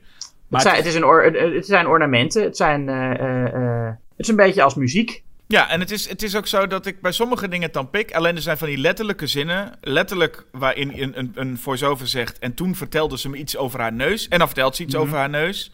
En daarna. ja, ze heeft het. een, eh, een, een, een nose job gehad. Ja, dan Dat had ik de eh, voice-over niet per se nodig om het. Om de, nou ja, goed. Maar in ieder geval, laten we het zeggen, laten we het even besproken hebben. Maar eh, Mhm. soms is iets too much. Maar eh, in, in hedendaagse films stoor ik me echt gigantisch aan voice-overs de laatste tijd. Ehm, en ik denk ook gewoon dat we dat gewoon niet moeten doen. Nou ja, dat is wel een goede vuistregel bij voice-over. Gewoon niet doen. Tenzij je het echt niet nodig hebt, zou ik zeggen. Ja, nee, eh, dus, dus ja, Betty en, en, en Joe ook niet helemaal, loopt niet helemaal lekker. Maar het wrijft natuurlijk wel lekker met, eh, met, eh, de, de relatie tussen Joe en, en Norma. Ehm, maar dat verhaal is eigenlijk het meest interessante, hè? want Joe gaat steeds sneakt er even op uit. En dan lijkt het bijna als een man die erop uitsneakt om vreemd te gaan. Zo voelt het misschien ook wel. Ja, dat, dat is het voor Norma ook, zeker. Ja, maar het is dan ook dat hij, hij gaat ondertussen met Betty een, een script schrijven. En dan zijn ze dus bezig met een verhaal wat wel mogelijk verfilmd kan gaan worden. Of wat wel echt kans van slagen heeft. En ondertussen is hij bij haar thuis dus aan het werk aan een film die eh, nou, waarschijnlijk geen kans van slagen heeft. Het is een hele leuke scène dat zij op een gegeven moment ook eh, een stukje Charlie Chaplin nadoet. Heel, Ja, heel, heel, fijn, heel fijn moment. best Ehm, goed ook. Ja, dat doet ze ook heel goed, absoluut. Ja. Eh, en dan komt eigenlijk het, het, nou, het meest, ja, het, het sterkste stuk wat mij betreft is op het moment dat Paramount belt. En dan denk je, oh, de, de Paramount belt. Nou, dan zal er, wel, zal er wel iets aan de hand zijn. En dan blijft Norma Desmond, nee, ik wil geen assistent of zo spreken. Ik wil alleen maar dat de mail zelf belt. ja. En dat is, dat is toch, daar begint wel iets dat je ergens als kijker denkt: oh, zou er dan toch misschien nog verandering zijn? Eh, en dan gaan ze ook naar de studio. En dan kan het nog twee kanten op gaan. Maar je weet, als je dit, nou ja, het cynisme van de rest van de film een beetje door hebt, dan denk je wel: dit gaat waarschijnlijk niet zo heel leuk aflopen. Ja, nou, ze wordt nog herkend door een oude lichtman hè, die daarboven zit. Die, en die eh, eh, zet dan meteen een, een grote lamp op haar. Waardoor ze, en je ziet er dan echt ook genieten van dat ze weer in het licht zit. En dan komen er ook veel mensen van: hé, hey, is dat eh, Norma Desmond? Ja, het mooiste zit hem in, die, in het begin natuurlijk. Als ze naar binnen komt rijden, heb je natuurlijk al de, de... Het is mooi en pijnlijk tegelijk. Want je hebt de oude bewaker die haar kent, de oude man. Ja. Maar die jongen die kent haar helemaal niet. En die wil haar er ook niet in laten. Eh, van, ja, eh, zij zegt, je weet toch wie ik ben. En dan, meestal gaan alle deuren dan open. En ineens moet die oude man... Het is ook echt zo'n hele oude bewaker. Waarvan je denkt, die zit heel dicht tegen zijn pensioen. Die dan Ja. zegt van, hé, hey, ik ken je nog. Oh, wat leuk, kom maar binnen. En dat is... Ja, voor haar is dat natuurlijk mooi dat er iemand haar kent. Maar het is ook wel weer pijnlijk om dan weer te zien dat er gewoon jonge bewakers zijn die denken: ja, ik heb geen idee wie je bent. Ehm, ja, en, nou, en dan ziet ze uiteindelijk weer de Cecil B. DeMille, met wie de echte eh, Gloria Swanson ook in het verleden heeft samengewerkt natuurlijk. En Cecil B. DeMille noemt haar ook eh, Young Fellow, wat de echte DeMille ook altijd tegen Swanson zei. Hmm. Ehm, maar dan blijkt dat ze eigenlijk helemaal niet geïnteresseerd zijn in haar, Ja, maar dat ze gewoon haar auto willen gebruiken. ja dat eh, is. omdat eh, het de, de perfecte auto is voor een scène die ze in gedachten hebben. Alleen zij krijgt dat dus niet te horen. Dat is zo fijn eraan. Dat, Ja. dat, dat de andere personages, hè, Max, de, de, de butler en, en, eh, en Joe, die krijgen het eigenlijk een beetje te horen. Van het gaat eigenlijk maar om die auto. En zij blijft ondertussen in die waan. En een hele mooie scène waarin ze al die aandacht in die studio krijgt. En trouwens, De Mil, een goede regisseur, maar is ook nog is best wel een prima acteur. Hij speelt goed zichzelf. Ja, Dat zou ook niet iedereen kunnen. Ja. Maar hij speelt goed zichzelf hoor. ja, zeker. En eh, ja, ook zo'n leuk zinnetje, wat eigenlijk ook voor mij heel veel toevoegt, is dat eh, Joe ook, ook tegen eh, Norma zegt: Ja, ik heb niks geks gedaan hoor. En dan zegt Norma: Nee, weet ik, dat sta ik ook niet toe. Vind ik ook een perfecte Ja. omschrijving van hun relatie eigenlijk. Ja. Maar het is wel heel pijnlijk als je dan weet dat het eigenlijk maar gewoon om die auto ging. Ja, we willen eigenlijk je auto lenen. Dat voel, je voelt hem gewoon heel erg. Een Paramount Ja, belt, nee, jij denkt ik ben er en dan is het nee, we willen echt gewoon even je auto lenen. Ja, en ze verbergen het voor haar, eh, omdat zij natuurlijk, eh, nou ja, compleet. eh, nou, niet alleen, ik denk deels omdat ze uit medelijden verbergde het, maar ook wel een beetje uit angst voor hoe ze zou reageren als ze ontdekt dat het, dat, dat het niet om haar gaat. Nee, dan weet ze sowieso dat het niet doorgaat, want ze zal nooit haar auto uitleggen. Ze zal nooit zeggen van, oh nee, dat is ook goed, neem de auto maar. Nee, dat zal nooit goed aflopen. Maar het is ook wel fijn dat er een stukje, ja, zou je bijna zeggen, een stukje hart nog in zit. Want je zou soms ook kunnen verdenken van, ja, Hollywood is zo'n harde wereld. Ze zeggen ook gewoon tegen haar van, nee, je bent oud, je bent gedaan, je bent geweest, we, we nee, Ja. willen je niet. Maar dat doen ze dus niet. Het is deels haar eigen eh, illusie die het in stand houdt, maar het is ook, het wordt heel erg mede in stand gehouden door Max. Die eh, ook haar, haar allemaal fanmail eh, stuurt, die hij dus dan schrijft en doet alsof het van fans is. Ehm, en, die de, en, en die dit verhaal niet aan haar vertelt. Ehm, hij houdt echt haar mythe in stand. En dat is heel sterk, want daardoor geloof je ook veel meer dat zij het gelooft. En dat het eigenlijk een soort dysfunctionele relatie is van hun twee. Van Ja. hij, heeft er, hij is er nooit overheen gekomen dat zij hem destijds eh, verlaten heeft. Mhm. En, en dat, dat ze gescheiden zijn. En dit is dan zijn manier om nog bij haar te blijven. Ja, en ik vind ook eigenlijk, dan hebben we de, de zo, ja, daar komen we zo op, maar de befaamde eindscène. eh, waarin eh, dus eh, eh, Gloria Swanson van de trap afloopt. En ik merkte daar ook in dat ik eh, Max eigenlijk hier het meest tragische figuur ook vind. Want hij wil kosten Ja. wat kost Norma beschermen. En zelfs als zij eigenlijk gearresteerd zou moeten worden voor moord en meegenomen door de politie met sirenes, blijft hij nog kost wat kost. Nee, laten we net doen of dit een scène is. Laten we net doen of het, Ja. weet je wel, of het camera mensen van de journalisten, of dat camera is. Gewoon zo. En dan, dan denk ik, hij heeft eigenlijk een heel mooi, maar heel tragisch verhaal, die Max. Die eigenlijk maar een beetje op de achtergrond zit. Maar inderdaad, dat, dat spel wat hij speelt, om kosten wat kost haar voor de waarheid te willen beschermen en haar in die waan te laten, dat ja, is eigenlijk een heel mooi iets, vind ik. Ja, terwijl het aan de andere kant ook natuurlijk weer vreed is dat hij niet eerlijk is tegen haar. Want het, het leidt ertoe dat, er, nou ja, dat zij helemaal doordraait. Dat is het, het gevolg toch van zijn eh, eh, eh, ja, gaslighting zou je het misschien kunnen noemen. Ja, maar het voelt wel, en dat voelt door, als je ziet, Max, die, dat lijkt een, een, een volkomen fatsoenlijke man. Die het beste voor heeft met haar. Dus niet iemand die dat als plan heeft. En ik heb ook het gevoel Nee. dat, dat hij misschien. Zo, dat voel ik hoor, dat zien we niet. Maar dat hij dat ook in het verleden wel geprobeerd heeft. Maar dat Norma daar gewoon niks van wilde weten. En dat hij zag dat ze door zoveel pijn heen ging. Dat hij denkt: ik doe maar wat haar het minst pijn oplevert.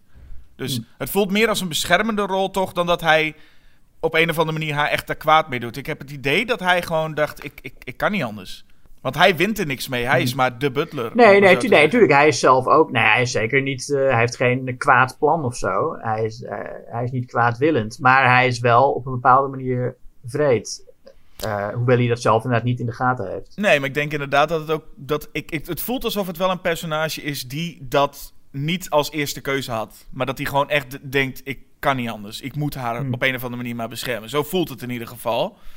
Ja, ik denk dat het misschien klein begonnen is. Hè? Dat hij dacht van, weet je, ik, ze, zou vast, eh, ze zou vast heel fijn vinden om weer eens een eh, brief van een fan te schrijven. Weet je wat, ik doe dat gewoon. Ja, en dat ze daar zo van op, op, eh, opknapte dat, ze, dat hij dacht: oh, misschien moet ik dit vaker doen. En misschien dat ze een keertje gebeld werd met: je hebt de rol niet. En dat hij dacht: ik ga er.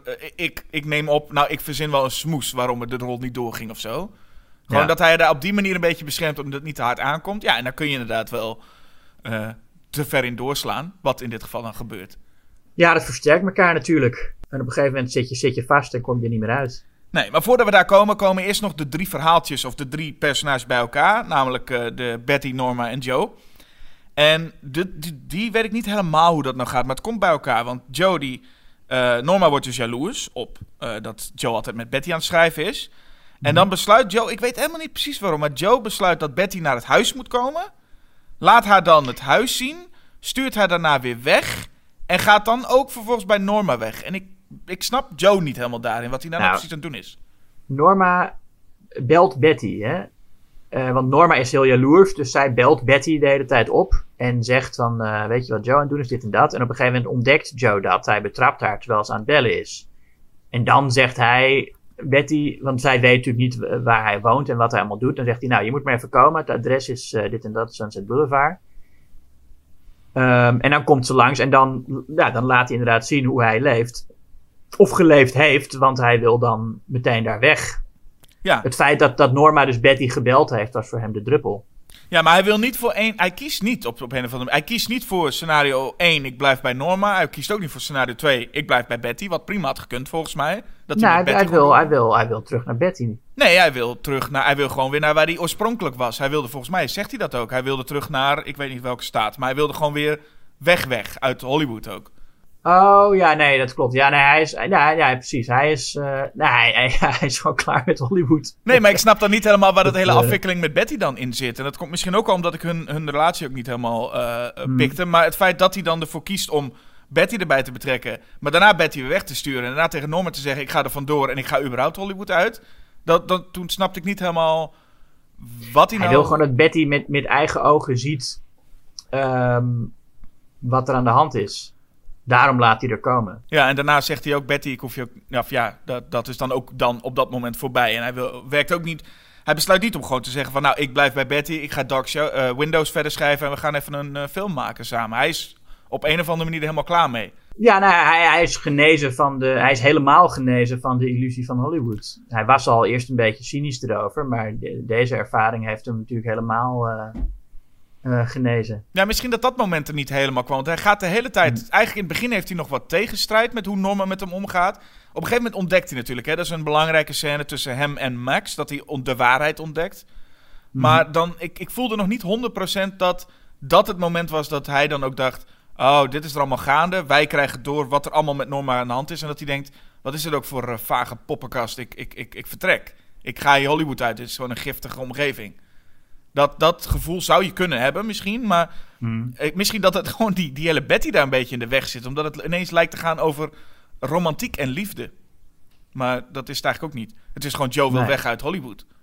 Nee, het is als, als, als romantische film eh, zeker niet Wilders meest eh, geslaagde eh, voorbeeld. Nee, misschien zelfs dat als Betty überhaupt niet in de film zou zitten, misschien had het zelfs dan ook wel gekund. Het feit dat het probleem vooral zit bij hoe Norma, wat Norma doormaakt, wat het meest interessante is van deze film. Hmm. En dat eigenlijk Joe dat al kan zien als, wow, als ik nu weet wat er allemaal aan de hand is, ik moet deze giftige wereld uit. Maar die driehoeksverhouding allemaal, dat loopt, liep voor mij niet helemaal lekker. Ja, je, hebt Betty, je hebt Betty natuurlijk wel nodig, omdat Norma eh, jaloers wordt dat hij met een ander iets aan het doen is. Ja, ja, dat is waar. Maar misschien dat het geen liefde had hoeven zijn. Misschien als Joe gewoon naar een producent ging eh, en, en misschien een ander script van hem ging verkopen, dat Norma daar al van dacht, wow, wow, nu ga je bij me weg of zo. Het is, Ja, ja, nee, misschien, ja, de, de had, misschien had, gewoon, had hij niet verliefd hoeven worden op Betty. Nee, nee, precies. Dat, dat, dat principe. Het lijkt ook een beetje dat verliefd. Nou ja, sowieso arme Artie. Ik bedoel, die vergeet iedereen. Ja, Maar ja, die man heeft gewoon zijn vriendin een keer voorgesteld aan een goede vriend van hem. En dan meteen, hoppakee. Denk je ook, nou, nou, le- lekker bezig. ja. En, en dan verlaat hij er uiteindelijk ook nog eens een keer. Ja. En het is ook niet alsof Artie een lul was. Natuurlijk kun je weggaan, maar dat is ook van Betty een beetje. eh, Betty zou gaan trouwen, geloof ik ook. Ja, ze waren verloofd. Ja, en, en ineens zegt ze: nee, doe maar niet. Nou ja, goed. Dat is inderdaad niet het sterkste moment. Maar het is wel het moment dat Joe dus ook weggaat. En eh, ja, Norma Desmond nog eh, achter, haar aankomt, achter hem aankomt en eh, hem in de rug schiet. Ja, Ja. Moet je in dit soort films vaak wel even pikken dat, en dat was bij Double Indemnity ook zo, je moet gewoon pikken, iemand wordt neergeschoten, maar daar zijn geen kogelgaten en geen bloed en zo natuurlijk. Je, je valt gewoon op de grond. ja. Of in dit geval loop je nog even door tot aan het zwembad. Ja. Hij Ja. loopt heel stoïcijns door, hè. Hij wordt geschoten, maar hij, hij lijkt niet eens in de gaten te hebben. En Nee. eh, nou, dan schiet ze nog een paar keer en dan valt hij in dat zwembad. Valt hij in dat zwembad, ja. Is dat nou het moment dat je als kijker zou... Nee, waarschijnlijk niet, toch? Als je... Dat je moet weten dat hij het is. Ja, maar ik zit even te denken of je... Wanneer... Nou ja, je hebt, eh, kijk, in de openingsscène zie je zijn gezicht al. Ehm, en nou is William Holden volgens mij niet een super eh, herkenbare acteur. Ik zit een beetje te denken of mensen hem in die tijd meteen zouden herkennen aan dat gezicht. Meteen zouden weten van, oh, daar heb je William Holden, daar is de... Nee, maar het is ook nog eens een Eh. keer een wat lastige shot, hè? Omdat het een shot is van dat hij in het water ligt. En dan zie je er sowieso natuurlijk al iets anders uit. Dus ik weet niet hoeveel, hoe snel je hem herkent. Al van dat ene shot in het water. Maar ik, ja, ik vroeg me gewoon af. Ik wist het nu natuurlijk bij deze keer kijken. Maar ik zat meer te denken van wanneer, wanneer zou het moment komen dat je... Zou er een moment zijn dat kijkers, vooral als hij in het zwembad valt, dat je dan denkt, oh... Maar dat weet, ik niet. Waarschijnlijk als het al eerder. Ik, ik, ik zit te denken... Ik zit even te denken wanneer William Holden's doorbraak was eigenlijk. Hij, hij werd later natuurlijk wel een van de grote sterren van de jaren 50. Hij won zijn Oscar voor eh Stalag 17, ook een Billy Wilder film, maar die is later. Mhm. Nou ja, want het, ja, dat is het moment. Kijk, als je hem herkend zou hebben, dan zou je meteen weten. Het volgende shot zien we William Holden. En dan denk je, oh, dat is die man in het zwembad. Kijk, nou, dan heb je hem al. Dan weet je dat het daar naartoe werkt. Ik denk, maar dat is vaak zo in, in, in, in films, dat je als hij dan naar het zwembad toe loopt en hij valt in het zwembad, dat mensen dan denken, oh ja, daar waren we begonnen. Dat vergeet je misschien ook weer. Er gebeurt zoveel in die film dat je op een gegeven moment ook denkt van, eh, oh ja, we, wa- we waren inderdaad begonnen bij een zwembad. Dat is ook zo. Dus het is ook niet zozeer dat je de hele film lang alleen maar zit te denken: ja, wanneer komt die man in het zwembad nou? Dus het is een mooi ding dat het weer rond wordt en dat je het dan onthoudt. Alleen het mooie is ook, het eindigt daar niet. En dat is natuurlijk de bekend, een van de bekendste scènes, denk ik wel, uit de hele film, is gewoon die eindscène. Ja, dat eh eh Norma Desmond van de trap afkomt. En eh, nou, een, een van de beroemdste zinnen uit de filmgeschiedenis ook. I'm ready for my close-up now. Ja, die, waar, die vaak ook net even gemisquote wordt, toch? Hè? Ja. I- I'm, I'm ready for my close-up, Mr. DeMille. Maar het is eigenlijk Mr. DeMille, I'm ready for my close-up. Een Ja. beetje het I'm your father verhaaltje van Star Wars. Gewoon zinnen die net... Luke, I am your father. Ja, play it against Sam. Me, Tarzan, you, Jane. Precies, ja. Al die, ja, Ja. vaak, ja. Maar goed, en dan komt er ook, ik bedoel, ja, en dan zie je, en dat, dat hoeven we natuurlijk niet, niet te stellen nog, maar ik bedoel, eh eh Norma Desmond, ja, eh Gloria Swanson, wat een rol. Ja, En dat is gewoon, dat Ja. eindbeeld is, is natuurlijk fantastisch, maar het is gewoon voor de hele film geldt dat, als ze Charlie Chaplin ook nadoet, als ze, het is gewoon echt dat je denkt, wat een, een, een, wat een fantastische rol is dit. Ja, en het, het mooie is ook dat ze, die Norma Desmond is, heeft natuurlijk allemaal illusies, maar eigenlijk bewijst Gloria Swanson wel dat ze ook wel een beetje gelijk heeft dat het gezicht veel belangrijker is dan praten. Want daar heeft het de hele tijd over. Hè? Van oh, die nieuwe filmsterren die, die praten. Wij hoefden niet te praten. Wij hadden gezichten. Ja, Maar, en dat komt natuurlijk ook door hoe Billy Wilder dat filmt. Dat gezicht van haar. En hoe mooi het steeds belicht is. Ehm, ze heeft ook echt een enorm sprekend gezicht. En ze acteert ook nog deels een beetje als zoals je in een zwijgende film zou acteren. Mhm. Je hebt ook één prachtig shot dat zij in het licht van de, van de projector staat in haar eigen woonkamer. En die sigaretten rookt die dan zo haar hoofd eh, omzwiert, zeg maar.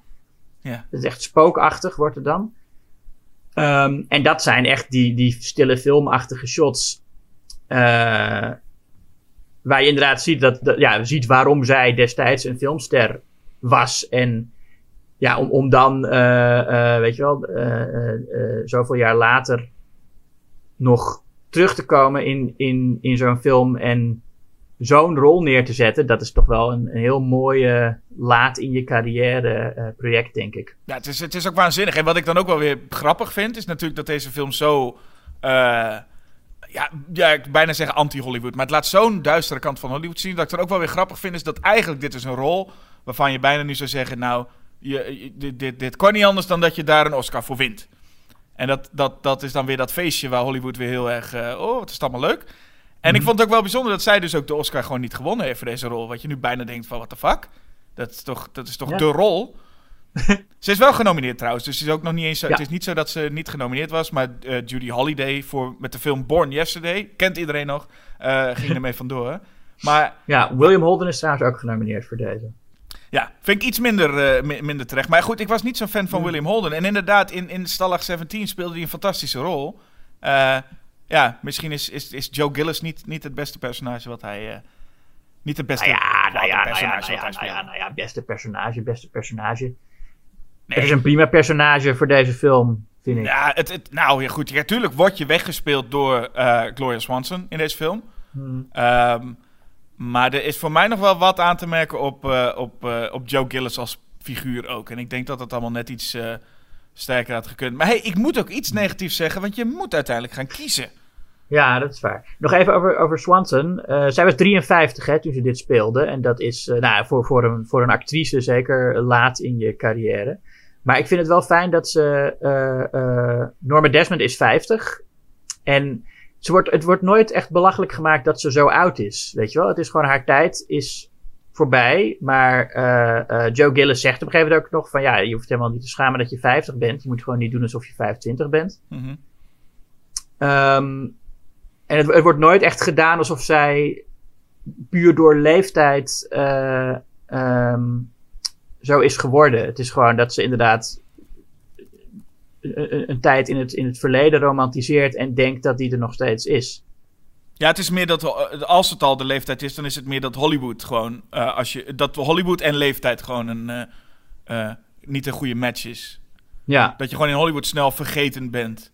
Ja zeker als, als, als actrice. Dan ben je gewoon.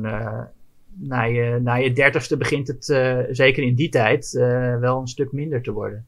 Ja, en dat is, dat is denk ik iets wat, eh, eh, wat er gekoppeld wordt. Maar zelf, ik bedoel, eh, op even de, de, de blik aan het einde na, is het ook gewoon een hele aantrekkelijke vrouw, die hele film. Ik vind niet dat je nou echt kan zeggen van, oh, daar zit ook echt wel een, een, een beetje een eng oud vrouwtje. Het is ook wel op, Nee, oprecht nee, precies, een nee. mooie dame om te zien. Ehm, Ja. dat, waarbij je ook inderdaad ook weer denkt als... als weet je, je zei al, het begint een beetje als een horrorfilm. Joe Gillis komt in zo'n groot huis, dode aap, eh, eh, vage butler. Maar het is, het is ook nog weer zo dat zij daar een beetje misschien af en toe wat engig uit haar ogen kijkt. Maar verder dat je wel denkt van, ja, je, je, wordt- je zou maar door een mooie dame in een groot huis worden gevraagd om voor geld een script te herschrijven, jouw werk. ja, nee, je snapt heel goed waarom je het doet. Snappen we ook waarom eh, jij doet wat jij doet, Julius, en dat is kiezen voor Sunset Boulevard. Ja, nou ja, Sunset Boulevard is. ik vind allebei meesterwerken. Eh, Sunset Boulevard is dan toch, denk ik, de vernieuwender en gedurfdere film dan eh, Double Indemnity. Hoewel die natuurlijk ook echt eh, van enorme invloed is geweest op, op de esthetiek van film noir. Eh, maar goed, dat, dat, ja, film noir bestond al wel. en, en dit is een van de grote iconische films daarin. Maar, en wat ik nog helemaal niet genoemd heb over Double Indemnity is trouwens, wat ik nog wel echt wil noemen. Eh, de het cliché shot, of een van de cliché shots van film noir, is mensen die een luxe flex, de schaduw van een luxe flex op hun gezicht hebben. Nou ja. En daar zit deze film echt vol mee. Personages die doorkliefd worden door zwarte eh, strepen op hun lichaam. Ehm, heel mooie shots zijn dat. Mhm. Maar eh, ja, hoe, hoe invloedrijk Double Indemnity ook is, ik, de film is niet zo origineel en gedurfd als Sunset Boulevard. Ja, Dus dat is het eigenlijk, ja. Ja, dat ik is... vind Sunset Boulevard is ook eh, emotioneel effectiever, denk ik uiteindelijk. Hoewel, ja, die relatie tussen Keys en, eh en eh, Neff is natuurlijk ook heel mooi in, in, in Double Indemnity en raakt ook wel echt. Maar ik vind toch de tragiek van, van Norma Desmond en, en Max, dat komt harder aan. Ja, nou ja, goed, oké. Eh, voor mij geldt het zo dat je, ja, je moet dan kijken. En ik vind Sunset Boulevard is een hele, hele sterke film. Eh, en alsnog zou die zeker niet in mijn top 3 van Billy Wilder terechtkomen. En misschien niet eens in mijn top 5. Dus dat geeft ook wel aan hoe goed die man is. En nou ja, ik zijn andere werk heel, eh, heel erg goed vind. En Double Indemnity zou dat denk ik wel. En ehm, er zijn een paar dingen die ik eigenlijk het eerste wat je kan zeggen is eigenlijk Billy Wilder doet hier een, een, een Hitchcock. Eh? Double Indemnity is eigenlijk de, een Hitchcock film die Hitchcock niet gemaakt heeft. En Billy Wilder doet het fantastisch. En ik merk toch dat gewoon als je de twee films zo naast elkaar zet, ik Double Indemnity eigenlijk gewoon heel erg knap, heel spannend en heel sterk vind. En dat Sunset Boulevard dat alles ook wel heeft, behalve er zitten gewoon kleine dingen in die me niet helemaal. Ik pik die, die romance tussen Joe en Betty niet helemaal. Ik vind die ook een beetje een stijve hark. Terwijl ik het stukje tussen.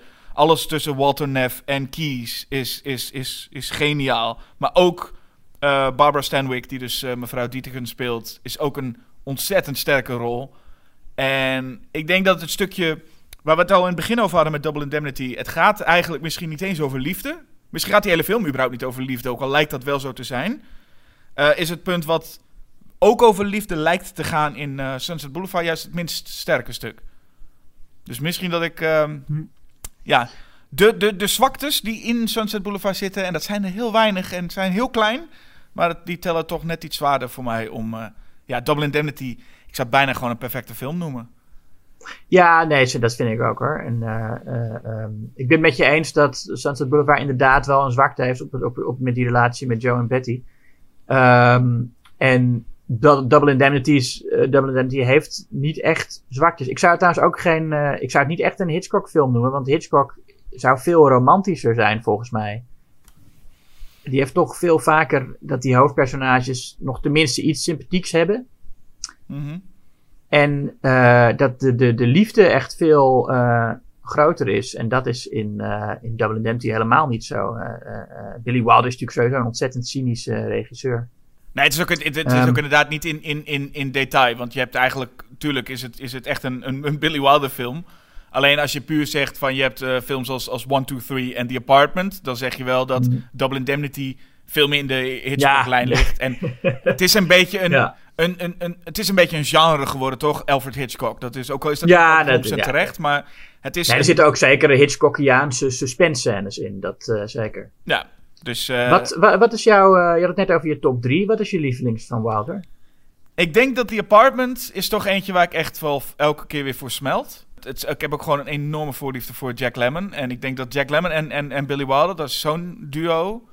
Eh, daar komt gewoon, daar komt gewoon meesterwerk van. Ik vind Witness for the Prosecution vind ik fantastisch. De 1, 2, 3, wat ik ook al zei, zo'n, is zo'n film die zo razendsnel gaat. Waar ik ook altijd Ja, keer heb ik een, Ja. elke keer ook een whiplash van als ik die film gezien heb. Maar dat, dat blijft ook fijn. Eh, ja, die zouden wel in ieder geval hoog staan. En Double Indemnity dan ook. Ja. Dus, eh, maar, en, en er zijn nog een hele hoop die ik nog een keertje binnenkort nog, gewoon nog een keer moet gaan bekijken. Omdat het is gewoon een feest om iedere keer eh, zijn werk te zien. ja. Ik denk dat Ace in the Hole misschien wel mijn favoriet is. Oh ja, ja die zou bij mij ook heel hoog komen inderdaad. Ja, Ja. ja. het is ook fantastisch. goed. Ja. Er zijn gewoon geen slechte Wilder films. In ieder geval, ik heb ze nog niet gezien. Zelfs de films die iets minder worden aangeschreven vind ik fantastisch. Zoals Buddy Buddy Ja. bijvoorbeeld. Ik, ik geniet Ja, ervan. eh, Seven Year Itch eh, is Ja. dan een van de mindere, maar zit natuurlijk eh, ja, het meest iconische Marilyn Monroe moment in. Ja, maar het is gewoon een, een, een, eh, een, een mindere Wilder is nog steeds beter dan een gemiddelde film van iemand anders. Het Ja. is, eh, dus ja, dus eh, fijn om het over hem gehad te hebben. En eh, nou ja, voor mij uiteindelijk, ik dacht dat het een hele moeilijke keuze was. no- nog net niet. Maar misschien is het voor de luisteraar wel een hele moeilijke keuze. Double Indemnity of Sunset Boulevard. Nou ja, we, we horen het graag van jullie luisteraars. Ja, Wat jullie dan kiezen. En oh, nog één ding. wat wel goed is. Als jullie ook op iTunes en zo recensies en ratings achterlaten. Als je dat wil. Van deze podcast. oh, dat is altijd goed natuurlijk. Ja, Ja. dat vinden we leuk. En dat, en dat helpt. Da- Als het helpt, dan is het altijd goed. Het, het, hel- het helpt de podcast, jawel. Dat, dat zeker. Oh, zeker. Ja. Ehm, ja. Nou, dit was, weer, dit was nou ja, de laatste aflevering voor film in, in, in, in... Wat was het ook weer? Noirvember? ja, de laatste aflevering van November. eh eh, volgende maand is december. En, December. eh, ja, en dan gaan we het hebben over Shyamalan. Ik zeg het maar gewoon alvast. dat mag je inderdaad zeggen. Dan kun je- dan Sowieso kunnen- wil ik alvast verklappen, want het is niet alleen maar Shyamalan. Want dat is natuurlijk nog een aflevering die komt. Maar daarna is het, zijn we al 50 afleveringen bezig. Hè? Daarna is onze 50ste aflevering van Ja. Julius versus Jasper. En daar moeten we natuurlijk ook iets bijzonders voor gaan doen. Dat wordt heel speciaal. Dus, Maar eerst doen we eh, volgende keer eh Sixth Sense tegen Unbreakable. dus dan kun je als luisteraar Ja. daar vast over nadenken wat je daarin zou kiezen. Eh, dat komt daarna. En daarna hebben we nog wat. eh, nou ja, want 2020 was toch een beetje een rampenjaar. Dus hebben wij nog wat om de pijn te verzachten. Wat leuke verrassingen in petto. Zeker. Alright. Goed. Goed, bedankt. Eh, nou, ja, we horen het wel. Wat jullie kiezen. ja, en ik zou zeggen tot de volgende keer. Tot volgende keer.